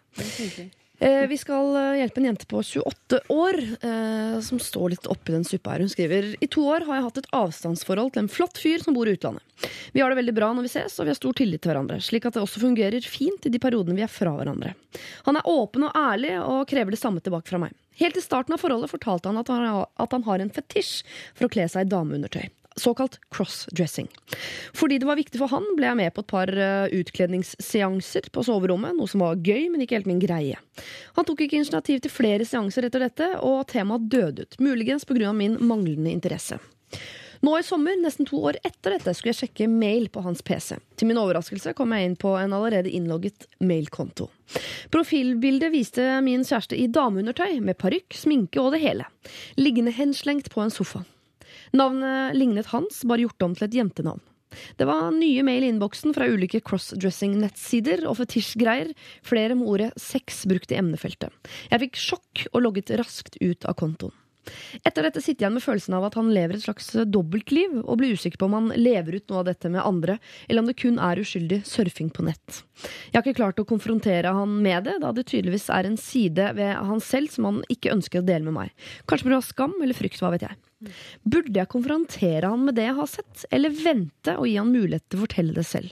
Og burde jeg være såpass raus og la han ha dette fetisjlivet som en annen på nett, når det handler om noe han tross alt ikke får tilfredsstilt sammen med meg? På forhånd takk for svar, vennligst hilsen jente28. Eh, Det med konfrontere tar vi bare kjapt sånn eh, ja-nei-runde. Skal han konfrontere han med det? Ja-nei? Ja. Nei. Nei, hvorfor ikke? Nei, jeg, i- sånn konfrontering, det er jo oute. Og det syns jeg høres litt vondt ut. Ok. Eh, Men eh, jeg syns jo gjerne at eh, dette her må jo hun tenke over først hvordan hun vil møte. Og hun er, høres jo ut som et veldig sjenerøst menneske. Ja. Og at Altså det, det får hun fryktelig mange poeng for. Og så, så har, vi, har hun allerede skjønt at har dette noe med skam å gjøre? Ja, selvfølgelig har det det. At det er han som syns det er han som kjenner på at dette er litt skammelig i forhold til henne. Det er ikke sikkert han syns det er skammelig generelt, men, eh, men det kan man ikke i hvert fall de her, Det legen i meg roper at dette er her man, hun går litt eh, varsomt med. Det er hun som har driti seg ut og gått inn på hans konto. Og det, det, det, så der, der har hun gjort en feil. Uh, hun kunne komme til det, denne kunnskapen på en annen måte, men, uh, og det ville vært mye mer hederlig. Hun kunne sagt det når, hun, når de var på soveværelset og han hadde crossdresset. Så kunne hun sagt vet du, OK, driver du med dette, eller skal jeg forholde meg til dette? Eller, for jeg kjenner ikke noe og har ikke lyst til å gjøre det samme. Eh, og så kunne hun gått derfra, og det kan hun gjøre fremdeles. Du, Og den du kan late som du ikke har sett eh, mailene, og heller spørre Ja, hva skjedde med det ikke- crossdressing-greiene ikke, dine. hvert ikke første omgang, sånn at han kan få lov å fortelle historien fra sin side. Ja. Og hvis han er åpen om det, Mm. så kan det jo fortsette. Men hvis han eh, forteller at det der der ljuger litt rundt det, Ja. så må hun for, forholde seg til at han er en sånn som ikke vil At det er mer skambelagt enn som så. Ja, men hun sa det veldig viktig. Hun sa eh, åpenbart et behov han ikke får tilfredsstilt sammen med meg. Ja. Og da tenker jeg at ikke sikkert konfrontasjon, dra han opp mot veggen, ta strupetak, skjelle han ut. Jeg tenker liksom at ja, hun har dritt seg ut med å gå inn på en konto som ikke var hans, men hun har vel antakeligvis også skjønt at det her på når hun møter en fyr som liker å kle seg i kvinneklær, at muligens han har en side ved seg selv. Og så er det spørsmålet skal hun da velge livet sitt framover med et menneske som har en annen seksuell preferanse enn henne selv, eh, og sikkert fint på deres måte, men har en verden utenfor. Jeg veit ikke om jeg hadde klart det. Jeg ville antakeligvis sagt at unnskyld meg, men vil du virkelig være sammen med meg, eller vil du finne noen blant dine egne Og nå var jeg generalisert, jeg. Dine egne. De der, de der folka der. Nei, men jeg tror Det er lov å sette crossdressing i en bås. Det er en veldig tydelig overskrift. Det syns jeg må være greit. En, en, hun skriver jo at de har et eh, Han vil ha et åpent forhold, øh, og venter det tilbake fra henne. Og det virker det da som hun har en øh, forståelse for. Altså, sånn.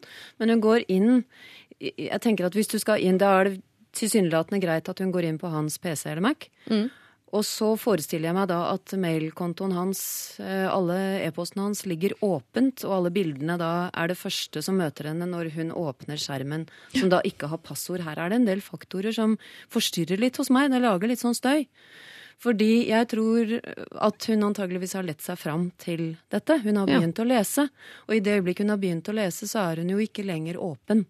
Men det er vel ikke han heller? Nei, det er han, ikke han heller. Så dette er ikke, for meg så høres ikke dette så veldig åpent ut. Nei. Og så tenker jeg at uh, en annen seksuell preferanse kan like gjerne være en tilleggspreferanse, og folk lever sammen på veldig, veldig mange forskjellige måter. Noen lever sammen med Uh, uklar kjønnsreferanse. Noen liker å kle seg i dameklær og lever sammen og har det bra likevel.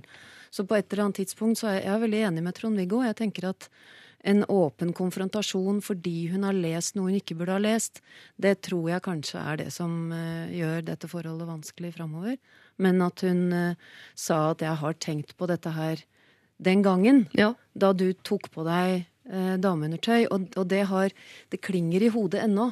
Hvor mye, hvor mye av dette er livet ditt? Hvor, hvor mye skal det være av mitt liv? Hva, har du et forhold til andre? For det, det er viktig for meg. Og det å, å ta på seg dameundertøy betyr ikke at man trenger å ha så veldig mye seksuell aktivitet med andre. Det kan være det det rett og slett tenker, fordi- at de gjør noe med deg som, er, som du syns er bra, da. Hun spør jo om det, om hun skal eh, Om hun konfronterer eller ikke. Eh, Skal hun la han fortsette å leve dette dobbeltlivet på nett, hvis det faktisk bare er på nett, eller tenker dere at det er å gå over utroskapsgrensa og på en måte ha nettsex med andre i, i crossdressing-båsen? Men nå er det, nå er det Dette er jo Nå er vi inne i brøklandskap. Det er, det, han er tydelig ikke en sånn som er ute og crossdresser, og at det er livet hans. Men det er en ting han enten har prøvd en stund, eller undersøker, eller noe sånt nå. Og øh, han vil ikke helt dele det med henne, eller er dette et rop om hjelp at den PC-en er så tilgjengelig? Kanskje han ikke er, at det ikke er så skjult som han Han vil kanskje at hun skal oppdage det.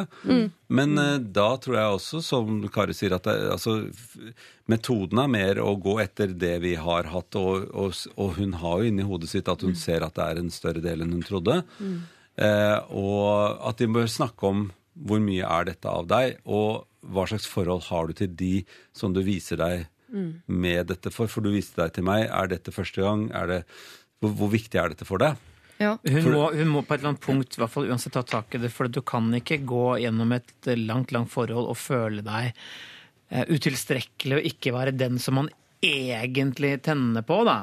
Føler jeg, og Derfor så må man jo ta tak i det. For at det men og uansett om du legger ut om det er bare nettsex, så er det jo uansett en del du ikke får ta del i med det mennesket du uh, oppriktig er glad i, og det er, blir jo feil, det òg. Ja, men ja, ja, for jeg tenker sånn Hvis jeg hadde vært sammen med en som uh, var uh, glad i meg og glad i å ha vanlig sex med meg, men hadde også helt sånn enormt behov for å sutte på tær Eh, og så eh, måtte jeg amputere begge leggene, så jeg, jeg, det kunne jeg ikke gi han. Jeg hadde ikke noe tær han kunne sutte på. Fantastisk eksempel. Ja, Ja. Ja. Dette er En konstruksjon foreløpig, men Eh, eh, Veldig konstruert. Eh, men da tenker jeg, hvis han har et enormt behov som ikke jeg kan dekke, burde jeg ikke være raus nok til å la han dekke det behovet et annet sted? Bare, la oss si at kona di kommer hjem en dag Christer, og sier vet du hva, Eh, jeg er ikke Jeg vil være sammen med deg til jeg dør, men jeg har Jeg må kna andre kvinners pupper. Jeg, klar, jeg, må, jeg må ha litt lesbesex. Men det. men det kan veldig, veldig fort skje. Det er typisk henne. Ja, okay, Ja. Og Hun er jo sånn, hun er sånn tafse, hun, hun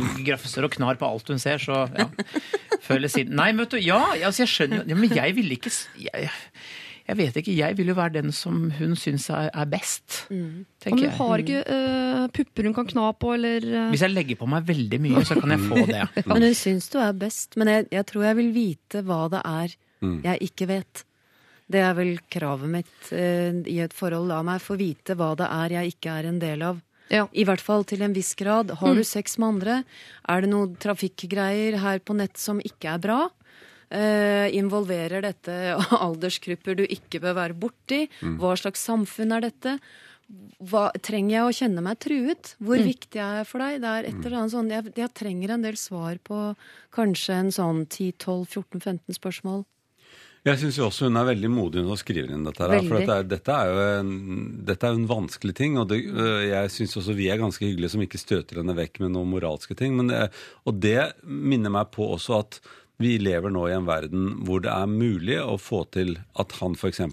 bare har prøvd dette her, eller at han blir ferdig med det. Eh, og jeg vet jo om ungdommer nå som, som sikkert er heterofile, men som prøver homosex i en periode, og så finner de ut nei, vet du, dette var ikke noe ordentlig for meg.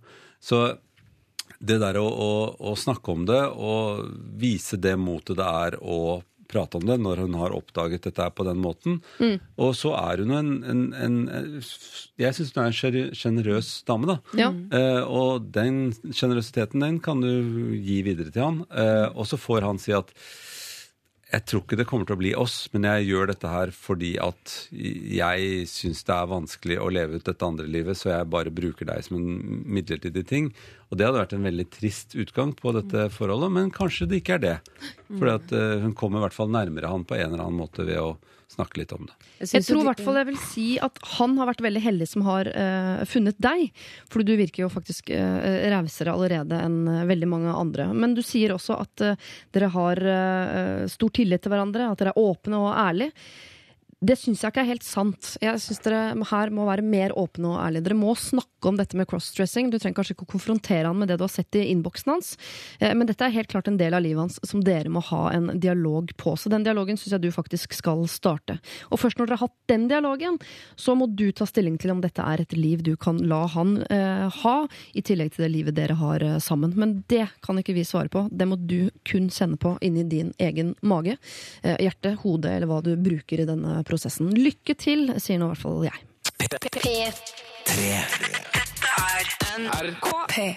Tre. Magic var det der, og Rude her i Lørdagsrådet. Jeg vet ikke om eh, du hørte på eh, den episoden som jeg liker å kalle det, av Lørdagsrådet, hvor det var ei, jente som hadde en drøm om å ha kåken for seg sjæl i to måneder. Hun hadde sagt til sin eh, romvenn, altså sin eh, leieboer eller hva det nå var, de delte i hvert fall eh, leilighet, reis ut, opplev verden! Eh, og det skulle han plutselig, men ville da leie ut sitt rom i de to månedene han var borte. Og det var ikke hennes plan, hun ville ha kåken for seg sjæl.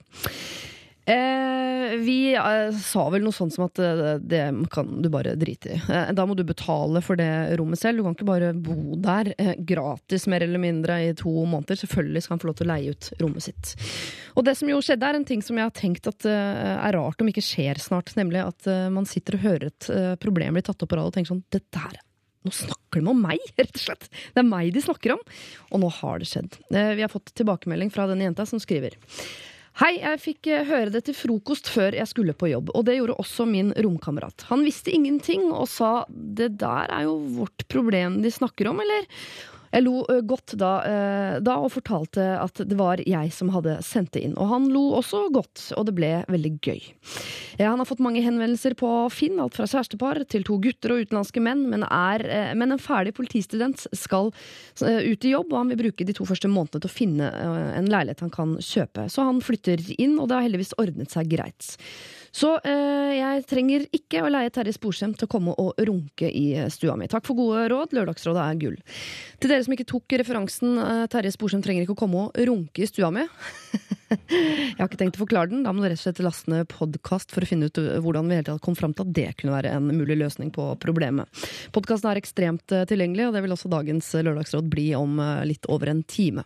Vi har lagt ut bilde av dagens eh, rådgivere på Facebook hvis du har lyst til å se det. Eh, Trond-Viggo Torgersen, Christer Torjussen og Kari Slottsvenn er det. Og de skal straks få et eh, nytt problem å bryne seg på. Men vi hører Highas og Kite eh, først, da, dere.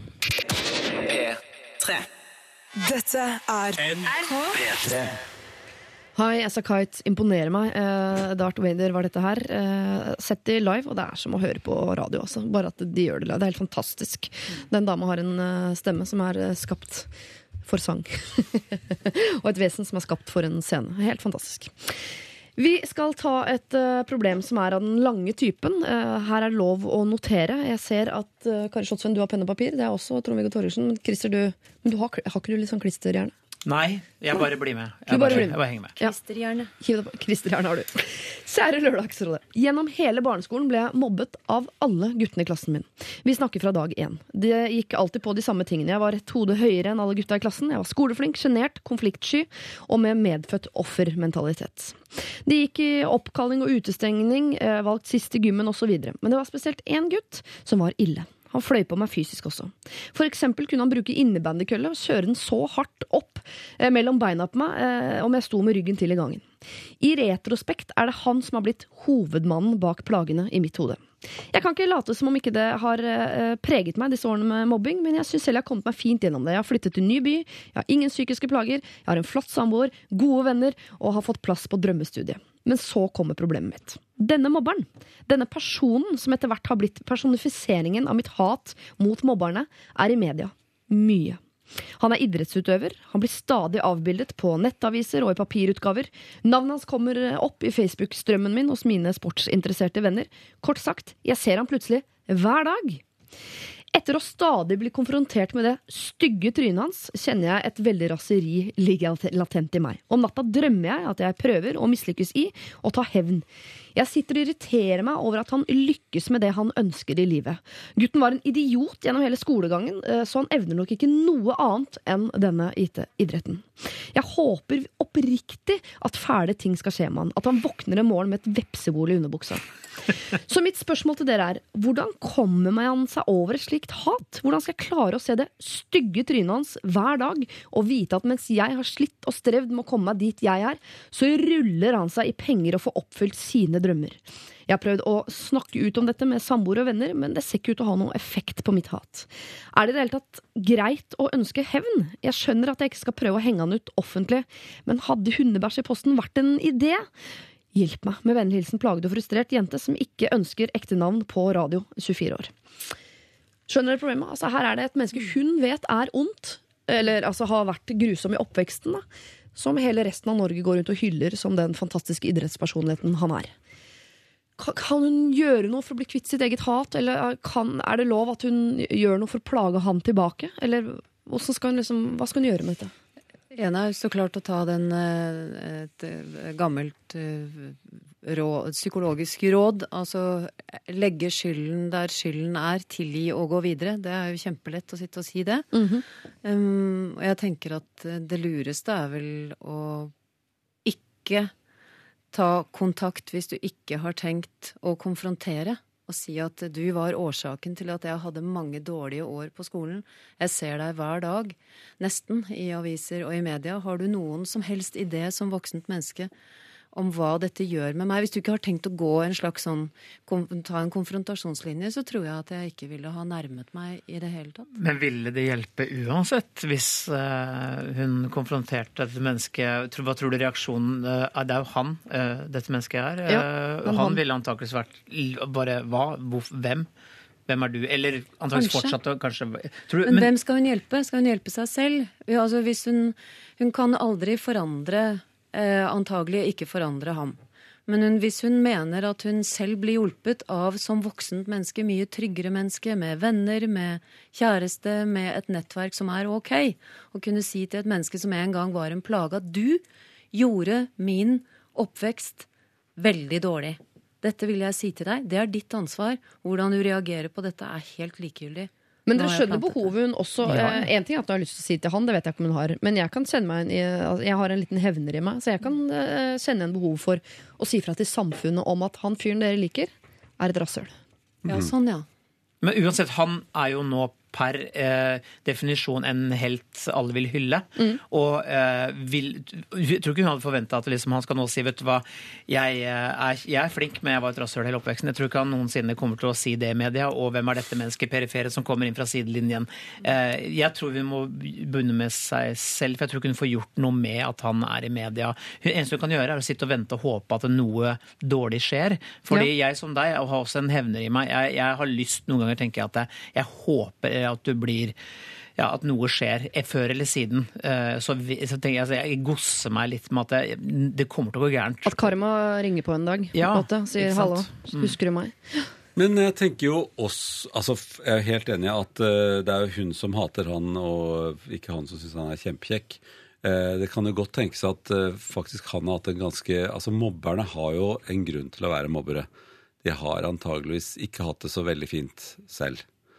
Eh, så kan det jo tenkes at eh, for å, Jeg prøver bare å hjelpe henne nå til å lage et bilde av at det kanskje er litt synd på han.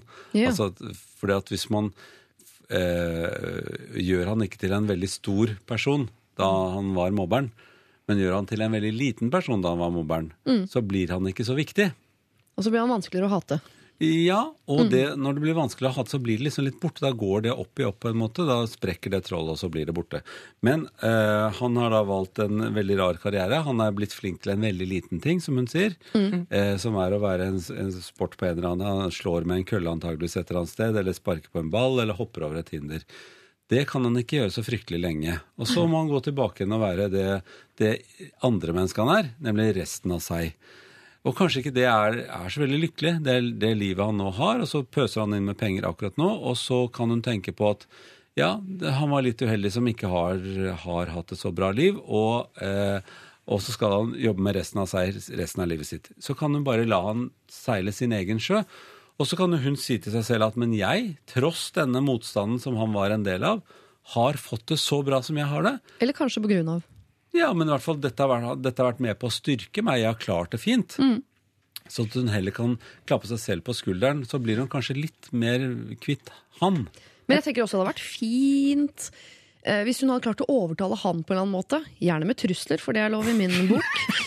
Eh, til å stå fram, for det er jo, snakkes så mye om mobbing, og det er mange mobbeofre som står fram med eh, ansiktet og historie og alt sånn. Å få han som et forbilde til å stå fram som mobber, det syns jeg hadde vært en eh, historie som kunne vært fin å dele med verden, og som på en måte hadde blitt en slags straff på han, men som, eh, for han, men som også kanskje kunne uh, blitt fint for både han og henne og alle alle nå ettertid. gjør du sånn som jenter gjør, at man tror ikke man kan forandre andre. Det, det tror ikke jeg. Tror han er helt Han er lost case. Du forandrer jo ikke han, men kan i hvert fall gi liksom, uh, oss andre et bilde på uh, at Men oi, er han han skal stå fram Å, ja. som mobber? Ja, syns jeg. Ja, okay. Men det er jo ikke Vi vet jo for så vidt ingenting om, om, om han, og hvor lang tid Er han en mobber? Var han en mobber? Hvordan er han i dag?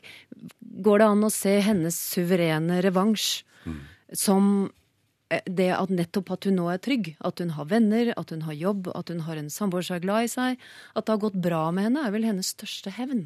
Ja. Og hun er trenger jo som Viggo heller ikke leve med den greia at det, alt han gjør er, er midlertidig nå. For det vil jo komme en nedtur hvor han ikke er i media lenger og ikke er en, en toppidrettsutøver. Hennes liv vil, som Trond-Viggo sa, være stabilt. En oppadstigende kurve, mest sannsynlig, mens han før eller siden vil forsvinne fra nyhetsbildet. Mm. men igjen, å tro at han ville eventuelt Jeg tror også han er lost case. At han, altså, hvis Han skulle- husker den ikke, antagelig. Nei, mest sannsynlig ikke. Nei. Jeg har en øvelse hun kan gjøre. Ja. Jeg, eh, de menneskene jeg har hatet, det er ganske få, eh, som jeg har hatt lyst til å sende bæsj i posten til, eller noe sånt nå, de snakker jeg veldig høyt med når jeg maler hus. Sånn at jeg eh, bruker tid for meg selv. Maler er veldig sint og bruker krefter på å male og være sint på den personen som jeg diskuterer med. Og da diskuterer jeg konfronterende, og ofte med åpen munn. Ja. Eh, hvis jeg er rimelig alene. Og, og, og da tenker jeg etterpå Der fikk han. Det, dette kunne vært virkelig. Blir man så sint av å male hus, altså? Nei, jeg syns det er så kjedelig. Hvis man går forbi huset ditt da i Skråningen i Bergen, der det mørkegrønne Nei, det huset ditt, og ser at det er eh, nymalt, så skjønner man at nå er du sint på en eller annen.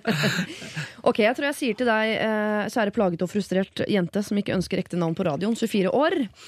Eh, jeg er helt enig at Den største hevnen er jo at du har det bra. Og Hans karriere nærmer seg nok eh, en peak snart, og etter det så får man jo bare håpe at han får det forferdelig på en eller annen måte. Eh, karma ringer på døra en eller annen dag, det får vi bare håpe. Og eh, hvis du da har en hevner i deg, sånn som meg, så kan du jo prøve på en eller annen måte å presse han til å bli med på å måtte stå fram som mobber i media. Det skulle jeg veldig, veldig gjerne sett. Men, Men- prøv å tenke på det, at den eh, ultimate hevnen, den har du allerede eh, tatt eller gjort ved å ha det bra i livet ditt.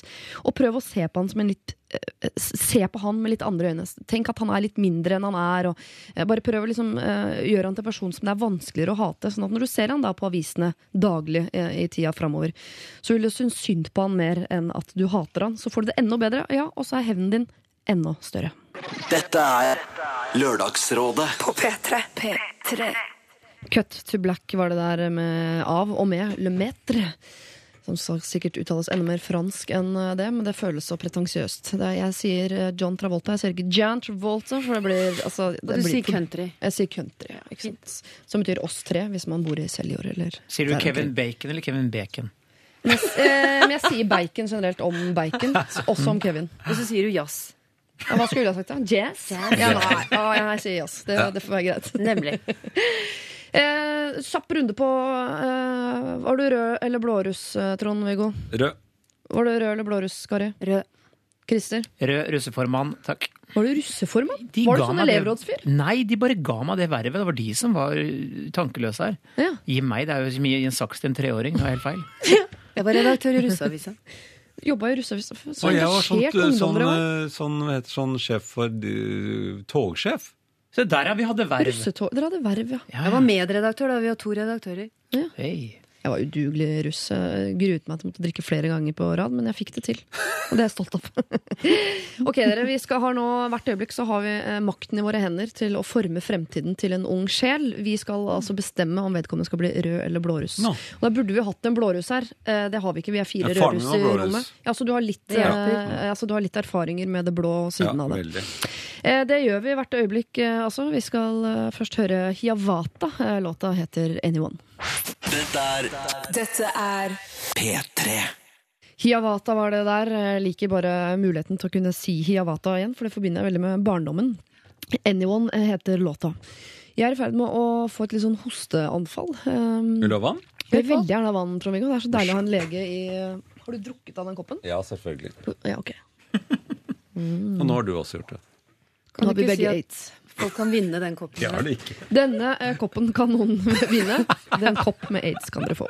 Er det sånn det smitter? Det er sånn det smitter, ja. Oh. Er det deilig vann? Det fikk jeg litt til. Eh, Nå kan jeg faktisk eh, lese problemet, som jo er ganske enkelt. Vi har snakket om det allerede. Eh, Blå versus rødruss. Men dette er litt prekært, fordi han må bestemme seg innen 1.9. Og det vet jo alle sammen at det er i overmorgen. Eller er det i morgen? Wow, ja, det er mandag. det, det er på mandag. ikke sant? Oi. Dette problemet er verken stort eller alvorlig. Håper allikevel dere tar dere tid til å ta det opp. Ja, det gjør vi.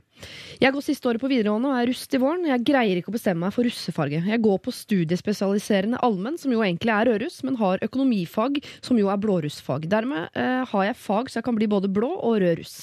Kompisene mine og de jeg skal på bil med, skal være rødruss, men jeg vet at det er noen andre i klassen som skal være blå. Hva syns dere burde velge? spør da eh, Vebjørn. Kan man ikke være halv-halv? Nei, det kan man ikke. Halal Hal kanskje- kan han Halal. være. hal ikke halal. Jo, men altså de der de tjukkasene, de som tjener seg rike på å dynge ungdommen ned i dyre russeeffekter. Mm. Som kjører biler fra som- sånn. Eh, De gang, leverer de ikke sånn blå på den ene siden og rød på den andre?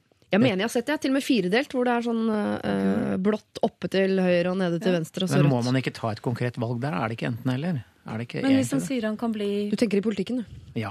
Og han kan, han kan være Røros med økonomifag, så kan vel det ene beinet hans være blått? Ikke det Jeg visste ikke at det gikk an lenger, for når jeg var ung, så var det bare enten rød eller blå. Jeg Da ikke du at var det- ung? Da jeg var ung. Oi, oi, oi, kommer Ja. læreren inn i Ja, bildet. men det er bra å bli arrestert på Men det. hadde man da hvit og lilla, sort og alle disse andre som man også nå Er kan det bli? lilla russ Til òg? og Svart ja. da. Hvitruss? Rosa. Det fins jo. Hvit og sort og lilla har jeg sett.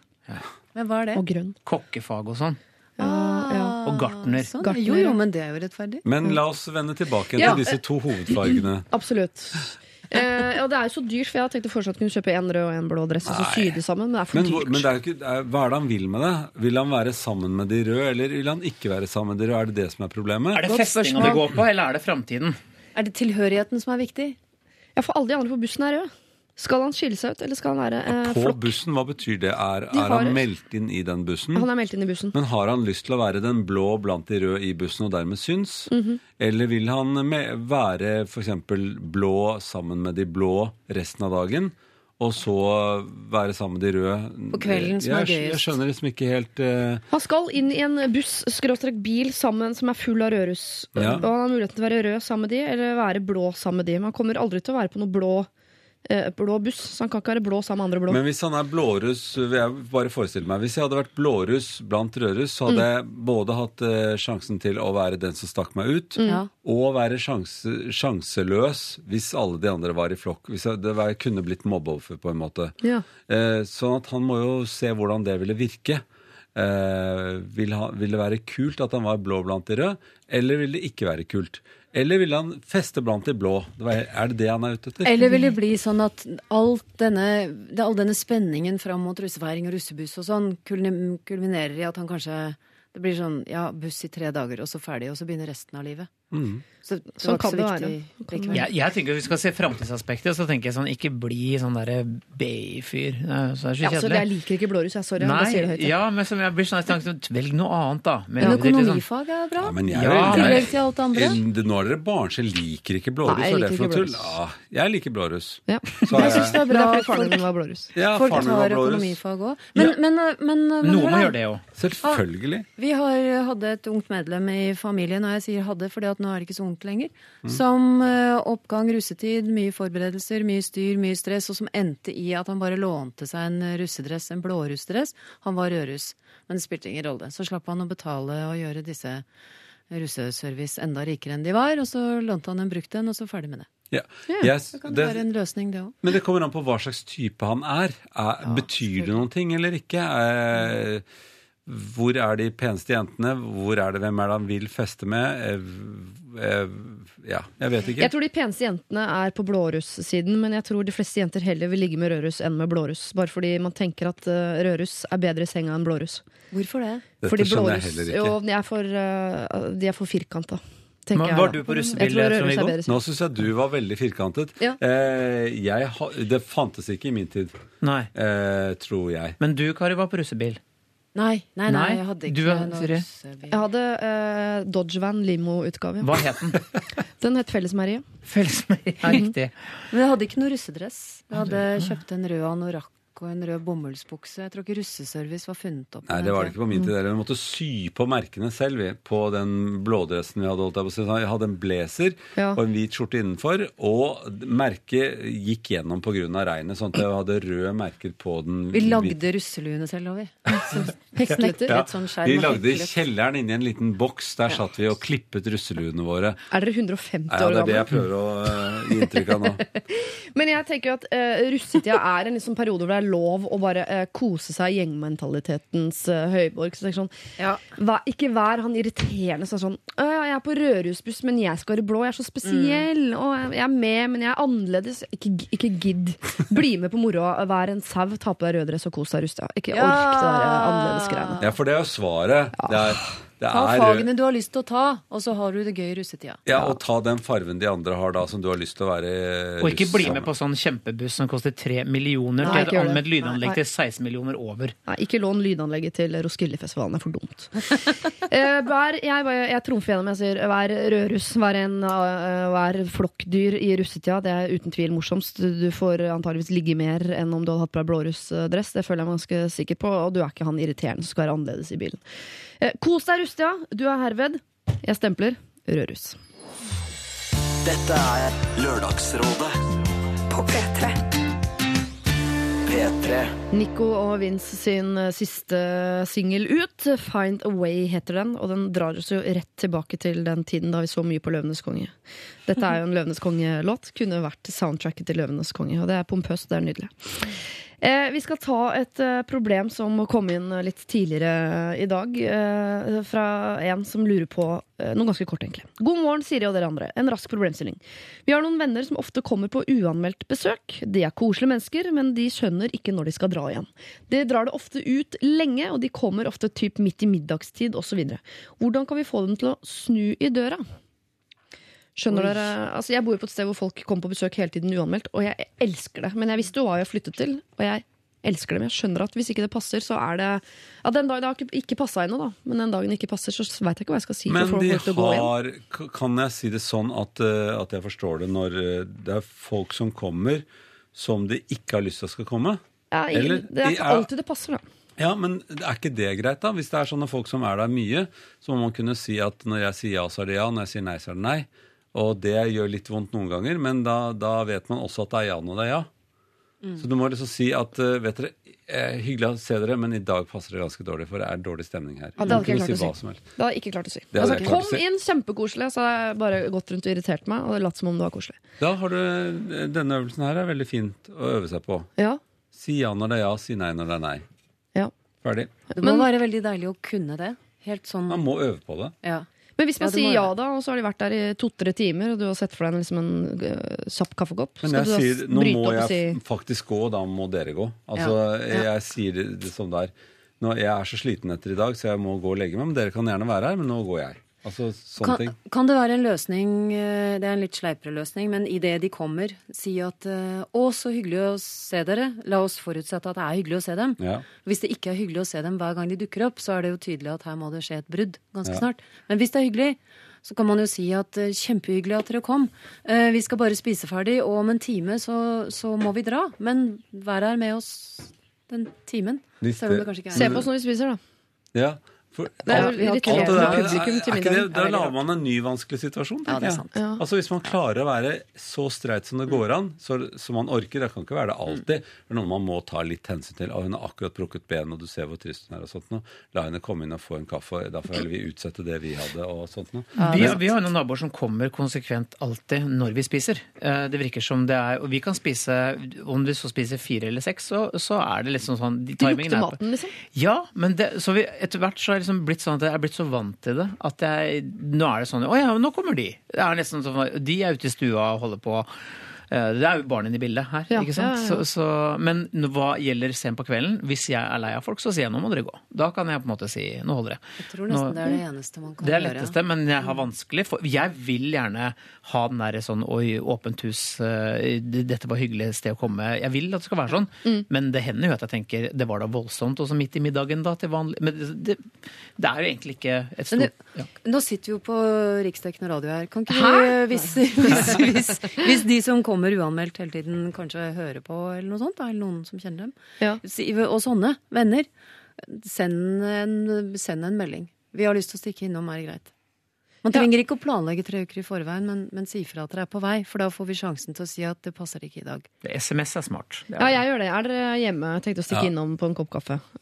Pleier jeg å sende. Vi har, vi har, vi har best, mest sånne men, mennesker, vi også. Det er, Og hvis folk dropper inn, så jo, jo oftere, eller jo, jo, jo bedre jeg kjenner dem, jo streitere kan man si 'så hyggelig', eller 'dette passer ikke'. Mm. Men de man ikke kjenner, eller de man ikke helt vet hvordan man skal gjøre det sammen med, der er det plutselig Da må man strekke seg litt Mm. inntil man kjenner dem godt nok til å si at 'dette var hyggelig', Men- og det må bli litt kort. Kan man ikke prøve å oppdra det sånn, da? At Jo. de eh, sender SMS eh, alltid når de vil på besøk, som en slags sånn oppdragende eh, skole, og spør passer det at vi kommer innom dere på kaffe.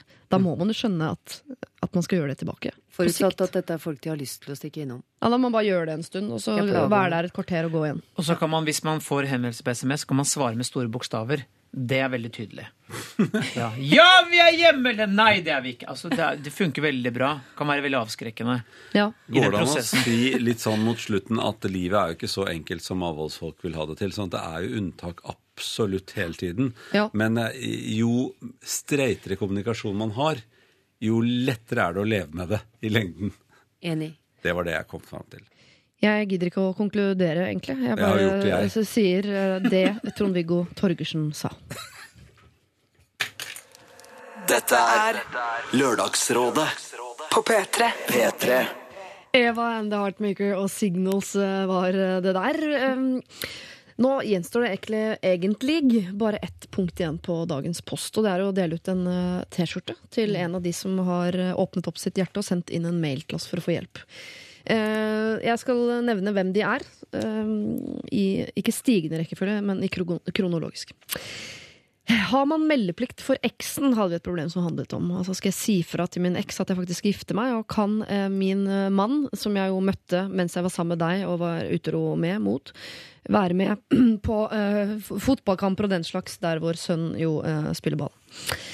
Eh, en eh, som ikke tenner på dårlig holdning, det syns jeg må være lov. Hun tror hun kan komme til å bli forelska i en fyr, men sliter altså med hans kroppsholdning og lurer på om hun allerede nå kan si fra om at han bør retse opp og kanskje trene litt. Eh, vi hadde en far som eh, hadde en trassig måte å oppdra sine barn på. Han var opptatt av å være en sånn avslappet far, og ble i overkant avslappet i møte med sine naboer, som han mener er for hysteriske. Eh, vi eh, har vært innom eh, crossdressing-fetisjme i dag. Altså en jente som har en kjæreste som hun har avslørt at driver med litt sånn crossdressing, eh, sexkorrespondanse med andre folk på nett. Eh, vi har eh, vært innom en eh, jente som i barndommen ble mobbet av en fyr som i dag er kjendis fra idrettsbransjen. Og hun sliter med å se det stygge trynet hans i, i aviser og den slags hver eneste dag. Lurer på om hun har lov til å tenke i det hele tatt på å ta hevn. En lurer på om han skulle bli blå eller rødruss. Det virker jo som en dårlig kandidat, for jeg er helt ærlig eh, nå rett etter at jeg sa dette med den eh, mobbingen, men det er så fritt til å velge selv. Eh, og til slutt også hvordan får man venner til å forstå at når de kommer på overraskelsesbesøk, så kan det ikke bli i all evighet, og det er faktisk heller ikke alltid at det passer. Åh, Men altså, så fine dilemmaer. Ja, veldig Og fine. Veldig, og så flinke modige folk. folk. Ja. Ja. Veldig bra. Så dere blir gitt ville- masse T-skjorter, dere? Nei, jeg, Ja. vil, jeg, vil, jeg tenker hva er vanskeligst dilemma og vanskeligst å håndtere av disse? Fordi alle er jo dilemmaer, Mm. men de har ulik grad av uh, inngripen i livet, på en måte. Ja. Noe er sånn oppdra, oppdra deg selv, eller eh, ja, det var gøy, men det er lett, eh, lett å gi et råd, og det er lett valg. Men det er jo en her som både har det som jeg opplever som det vanskeligste dilemmaet, og har den største muligheten til å løse det, men det er vanskelig uansett. Rød og blårusproblemet, ikke sant? Nei, det var, da var det hun som har oppdaget crossdressing eller under, undertøy hos denne kjæresten i et annet land. Ja. Um, som jeg tenker, fy søren å oppdage noe som man eh, eh, vet at jeg må ta stilling til Mm. på en eller annen måte. Og hvordan skal jeg gjøre det? Og man sitter ikke på løsningen helt Nei, ikke heller. i det hele tatt. Og hun virker jo som en veldig sjenerøs og, og eh, han må jo være kjempeheldig som har dette dilemmaet på hennes fang. Sånn jeg tenker, tenker at hun vil jeg virkelig ønske lykke til. Eh, og da kan jo hun crossdresse seg med en T-skjorte herfra, for det vet jo ikke han hva det står på. Eller hun kan gi den T-skjorten til han, for da er det lett å se om han har bh under. Tenker Ja, jeg. men Men vi har både jente- og gutte-T-skjorter, Petre, P3, så jeg kan jo Ja, gi henne mye forskjell, ass. gutte-T-skjorte. Ja, litt jente. figuren her, den men det jente-T-skjorten. er klart det er litt fristende å gi T-skjorter til hele den familien som til stadighet får besøk av de vennene. Og hvis alle hører på Lørdagsrådet, så vil Alle det jo gå opp for dem som kommer uanmeldt, at her har det vært noe på radio, gitt. Og det kan godt hende at det handler om oss. Ja. Eh, Men jeg, jeg, jeg støtter denne crossdressings-T-skjorta. Er det vanskelig for deg nå, Christer? Ja, men Jeg vakler mellom to. Eh, Jeg syns hun som eh, snakker om hevn på idrettskjendis, for det tar fram det verste i folk. Det er Ja. kjempevanskelig, og hun snakker åpent om at hun har hevnlyst, som er en, en veldig mørk ting, da. Mm. Men Det er så-. Ja, det er vakkert og stygt på en gang. Mm. Det, er, det er kjempevanskelig. Jeg kan kjenne litt på akkurat den der. Men så er det jo crossdresser-problemet som er kanskje det mest delikate, da. Det er det, det som er mest fargerikt eh, og vanskeligst. Kanskje. Så jeg holder en knapp på denne. Altså. Jeg er helt enig med hun, med, hun med, som blir så sint på denne kjendisen. Mm. Men det er jo tross alt eh, en som ikke er så nær henne. Så hun, hun har jo det der, der som et dilemma som hun, som, som hun kan jobbe med sjøl, alene. Men Ja. hun med kjæreste med crossdressing, hun er jo nødt til å jobbe med dette dilemmaet sammen med det andre mennesket. Hun som ble mobbet har, og det kan vi håpe på, og det så sånn ut i brevet hennes, hun har en smertefull fortid. Mm. Mens hun som nå lurer på hva i all verden hun skal gjøre, og hvordan hun skal gå fram, hun har en smertefull samtid. Og framtid, kanskje også. Kanskje Kanskje. også. Eller kanskje ikke. Kanskje. Ja. Ok, eh, Det høres ut som det er eh, felles enighet egentlig om at dagens T-skjorte går til jenta som er sammen med en gutt som har også en side av seg selv som eh, driver med crossdressing. Og men kos til alle. Hva? Kos til alle. Kos til til alle, alle, absolutt. Mentale klemmer sendes ut, og en helt sånn uh, konkret T-skjorte også. Uh, tusen takk til dagens rådgivere, Trond-Viggo Torgersen, Christer Torjussen og Kari Slottsveen. Vanskelig å si deres navn rett etter hverandre. Uh, ha en fortreffelig lørdag videre. Takk. Tusen takk. Takk for oss. Du kan laste ned denne podkasten selvfølgelig, eller dette radioprogrammet, da, som en podkast. om du gjør det via NRK eller iTunes, det skal ikke jeg legge meg borti, men eh, det er i hvert fall fullt mulig å gjøre. I løpet av en fem til ti minutter, vil jeg anta. Gå inn på Facebook og se på bildet av dagens eh, rådgivere. Eh, flotte og fine er dem. Jeg sier takk til eh, produsent og tekniker Runkeby, som jeg liker å kalle det. Eh, og hør på Lunsjkake da, rett etter eh, nyhetene. Fram dit får du Gabrielle med sin Fem fine frøkner. Som jo, den fester seg, altså. Den fester seg noe så innmari på hjernen, den eh, låta her. Ses, høres om en uke. P3 Dette er Lørdagsrådet på P3. P3.